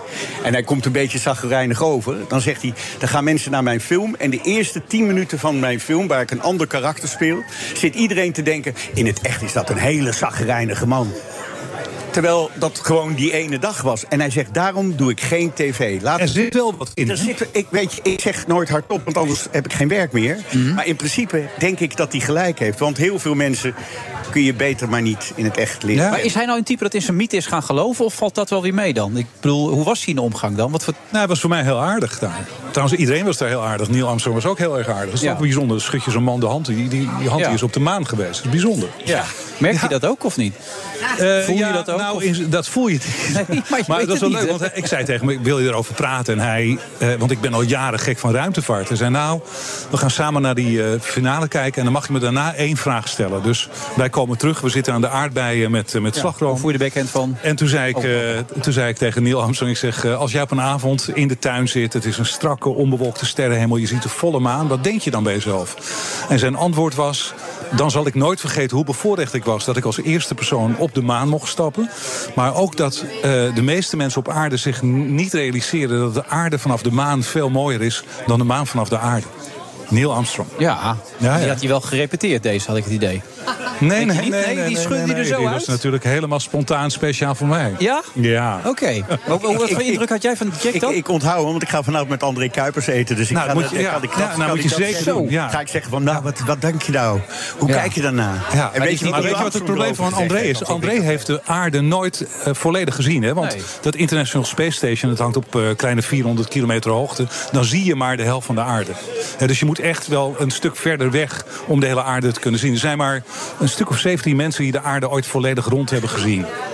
Dat worden er natuurlijk nog veel meer. Dat want moet, we hij, gaan dat moet je niet zeggen tegen hem, want dan zit hij gefrustreerd te zijn vanavond. Ja, hebt maar een stukje van de aarde gezien. Ik man. hij het Stelt het voor, man, joh. Kan er wel tegen, denk ik. Maar hoe kende jij Jack? Wat, wat, wat was jouw indruk Nee, van nou, Jack? kijk, jij vraagt, is hij in de mythe, mythe gaan, gaan geloven, ja. Hij is natuurlijk een mythe. En ik bedoel, het is natuurlijk iemand met zijn bril en met zijn... Dat is wel waar, maar hele laatst zag ik een prachtig interview van Robert De Niro... dat mensen die zichzelf kwijtraken... Dat was een prachtig interview, dat gaf hij laatst. Die zei van, die, die, die, die raken ook de roem kwijt, die raken alles kwijt. Weet je wat jij net ook beschreef? Maar dat was zo'n mooi oprecht interview. We hebben nog een stuk van laten zien in VI ook, want René had het gezien. Die vond het zo indrukwekkend dat die De Niro dat wel heel erg goed van buitenaf kon bekijken. Ja, ik denk dat De Niro meer zelfreflectie heeft dan Jack Nicholson. Ja. Ja, ook wel een type mens. ik heb ooit een keer eh, in Aspen ging ik eh, huizen draaien van beroemde filmsterren. Ja, je hebt alles gedaan, jij. En, en Ja. stonden we met, eh, met de camera voor zijn huis. En eh, toen kwam hij met een, met een gun kwam hij naar buiten. Alsof hij wilde gaan schieten. Totaal stoned. Hij is altijd stoned. Hè. Jack Nicholson is een pothead. Ja? Ook als hij, als hij niet rookt, dan, is hij, dan lijkt het alsof hij stoned is. Dan Ja. praat hij. Harrison Ford heeft dat ook, weet je wel. Van altijd maar... Harrison Ford? ja, die, De man, eh, hè? Indiana Jones. Ja. Ja, ja, ja. ja maar goed, dus dat... dat Maar die doet het Is hij nog steeds met Ellie McBeal eigenlijk, of niet? Ja, zeker. Ongelooflijk, ze-. Ja. Ja, ze waren in Cannes met z'n tweeën. Ja. Maar goed, is je dat stond te fokken. filmen, toen kwam je naar buiten, toen wilde je Rennen, gaan schieten. rennen. En echt op ons af zo, weet je wel. Van, eh, ik schiet jullie helemaal overhoop. En jij rennen of niet? Ja, natuurlijk. Ja. We dachten, straks gaat hij schieten. Maar wel interessant als Harrison Ford op dat moment naar buiten was gekomen. Ook in dezelfde situatie. Ja, dat- Ja. Dat was voor mij dan een teleurstelling geweest, denk Ja. ik. En dan even, je kwam eigenlijk voor stakingen. Ik weet niet of het interessant is überhaupt. Maar is dat interessant daar in Hollywood, dat er zoveel gestaakt wordt nu? Nou, weet je waarom het interessant is? Is eh, één, voor de werkgelegenheid in de, in de hele industrie. Ja. Maar ook voor, als je het even heel egoïstisch naar onszelf toe bekijkt. Als je eh, eh, zit te wachten op het volgende seizoen van eh, Stranger Things... of eh, een nieuwe Marvel-film... dan zijn er heel veel films en producties on hold gezet. Mhm. En je ziet het nu ook, ehm, eh, hoe heet het, Avatar eh 3, 4, 5... de data zijn gisteren bekendgemaakt. Mede door die, deze staking kunnen ze niet door. En de laatste komt in, negen- in 2032 uit, weet je wel. Dus het is Maar wie staken er voornamelijk dan op dit moment? op dit moment schrijvers. Ja. En het ziet ernaar uit dat in de komende maanden de acteurs ook gaan, sta- gaan staken. Oké. Dat is in 2007 ook gebeurd. Dat heeft toen eh 2,8 miljard eh, dollar gekost voor de industrie. En 40.000 arbeidsplaatsen. Dus dat is een enorme impact heeft dat op die industrie. Maar ook gewoon voor ons als kijkers, zeg maar. Dat, je, eh, dat- de films niet komen waar je, of de series niet komen waar je op hoopt. Aan de andere kant is het niet zonder reden dat die Nee, staking... zeggen, maar die industrie is ook heel conservatief, René. Weet je, nu hoor ik die cijfers protesteren. Ja, misschien wordt onze rol wel overgenomen door ChatGPT of GPT-4. Ja, ik bij mezelf, ja, dat heet vooruitgang, dat is innovatie. Nee, Daar moet je gewoon in meegaan. Nee, natuurlijk niet. Tuurlijk wel. Nee, want kijk, die, die, eh, het is nog niet zo dat dat soort eh, artificial intelligence al creatief eh, kan denken en met een. Nou, daar zijn de meningen ernstig over verdeeld. Nou, ik, heb, ik heb iemand een proef zien doen eh, met een eh, filmscenario. En daar kwam het meest truttige scenario uit wat je je maar kunt voorstellen. Dus zover is het nog niet. Je moet zo zien, de onderhandelingen tussen die vakbonden. eh, dat is iedere, iedere drie jaar is dat weer. En dan worden de financiële afspraken gemaakt. En ook worden de angsten uitgesproken. Dus wat ze graag in de contracten willen hebben, is dat die, die streamers en de studio's. eh, daarin zetten dat ze niet eh, met die, met die eh, programma's Ja, aan de gang gaan. Ja, dat is toch volstrekt echt belachelijk. Dan, dan, nou, niet als dat je baan is, Ruud. Nee maar, nee, maar dat is net zoiets als dat, dat je bij de spoorwegen werkt... en vindt dat er geen auto's op de weg mogen rijden. Ik bedoel, de vooruitgang is nou eenmaal dat we gaan naar een wereld toe... waar kunstmatige intelligentie gaat samenwerken met mensen... en misschien ook dingen zelfstandig gaat doen. Ja, ik vind als je schrijver bent en dan moet je juist gebruik maken van die middelen... maak je misschien wel veel betere afleveringen samen met, met kunstmatige intelligentie. Die mensen denken allemaal, hoe lang samen nog? Straks ben ik, er, eh, ben ik eruit. Ja, dat mensen- denken ze maar allemaal. het geldt ook voor. Nee, Nee, nou, het nou, geldt ja, voor Wilfred, maar- het geldt voor mij. De- ook onze rollen zijn heel makkelijk te Ja, maar automatiseren. op een bepaalde leeftijd, dat is niet zo erg. Maar die zijn vaak wat jonger, die mensen natuurlijk. Ja, nee, zeker, maar bovendien denk ik dat je een, eh, de kracht van een goed scenario is dat het hele persoonlijke verhalen zijn. Ja. Dus vaak is het iets wat een schrijver zelf eh, graag wil vertellen. heeft, zelf. En dan is Ja. het niet zozeer dat je in een programma gaat zitten en kijkt of dat samengesteld kan worden uit alle scripts die ooit geschreven zijn. Want dan krijg je toch een, een- op dit moment een soort van eenheids- of, of een soort van. eh, Weet je, ik denk dat je er uiteindelijk straks niet onderuit kan om dat te integreren in, in ons leven. Dat zal best wel. Maar ik begrijp best wel dat nu schrijvers en acteurs eh, met elkaar opkomen voor in ieder geval de Dus het gaat nog even duren, die stakingen daar, als ik het zo hoor. Dat, dat zou tot, eh, tot ver in de herfst kunnen duren. Ja, maar AI, je zegt het gaat zo snel. Maar al op het niveau van Ivonie, dat die straks vervangen kan worden? Of dat... Die kan- eh, Ivo kan nog honderd jaar door met de tv-show als hij er zelf niet meer is. Maar, Trouwens, in dat kader, je weet dat de Beatles komen over een paar maanden met een nieuwe single uit. Hè? Now and Then. En dus hebben een demo gevonden van Paul McCartney. Prachtige plaat trouwens. Waarin hij een nummer op piano voor Yoko Ono speelt. Ze hebben met artificial intelligence zijn stem van de piano gescheiden. En zijn daar een nieuw nummer mee aan het maken. Paul McCartney is dat nu in Nieuw-Zeeland aan het doen. Daar hebben ze de beste techniek. Daar hebben ze ook die film eh, Get Back eh, gedaan.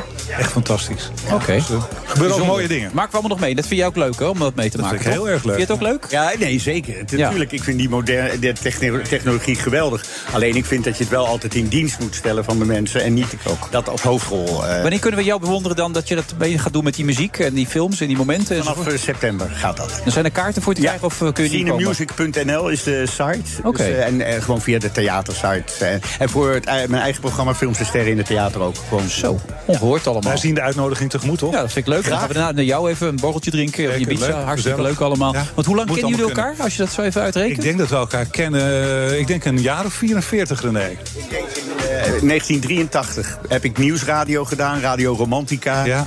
Trend toen op. En daarvoor al als verslaggever, toen had je het over films. Dus ja, je moet een jaar of ruim 40 jaar. Ruim 40 jaar. Ja. Wordt Echt een jaar ouder geworden. Nee. niet echt. Ik zou het niet zeggen, Lichaam nee. als een jonge god. dat soort termen gaat praten. Geweldig. Maar ik merk wel bij beide heren nog steeds ongehoord veel energie. Hè? Dat is het belangrijkste. Omdat je doet wat je passie is en wat leuk is. Het is geen werk, toch? Hier, we staan op een terras met allemaal leuke mensen. Zo.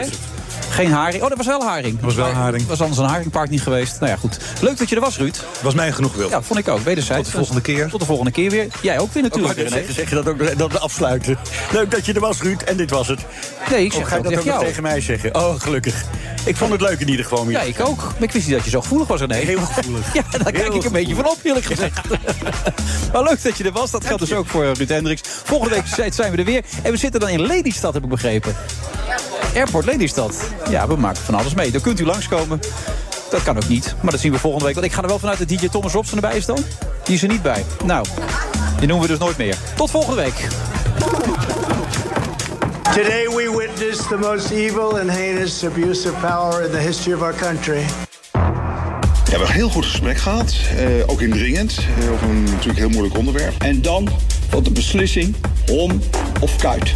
Kijk, wat het allerbelangrijkste is, dat nog steeds alle landen hierna wel verplicht worden met een plan te komen om aan natuurherstel te werken. Uit achtergrondgesprekken blijkt dat personeel op zijn tenen loopt... uit angst voor uitbranders van de voorzitter. Ze willen de loonstijging eh, afzwakken naar een tempo dat consistent is met 2% inflatie. Zodat een boer extensief kan boeren. Om zo aan je politieke einde te komen, dat is natuurlijk niet hoe hij het zich had voorgesteld. hè. Dit is echt een afgang. Ze kunnen eh, Trump wel een klootzak vinden, maar hij is wel onze klootzak. And migration is at this moment one of the most important issues facing uh, all of us. Bud Light is no longer the best-selling beer in America. De boel staat zeker op klappen. LTO was eigenlijk eh, er klaar mee, wilde niet meer verder praten. LTO heeft op hun verzoek, ook wel tot verrassing van iedereen, de schorsing aangevraagd van de besprekingen. LTO is hier naartoe gekomen met een opdracht van de achterban. De Friday Move wordt mede mogelijk gemaakt door TUI en Otto Workforce. We take care of our... Waarom wachten? Dit is het moment. Je bent toe aan TUI. Want de beste last minute naar Turkije boek je nu. 8 dagen al vanaf 349 euro per persoon. Boek op toei.nl, in de TUI-app of bij je reisadviseur. TUI, live happy.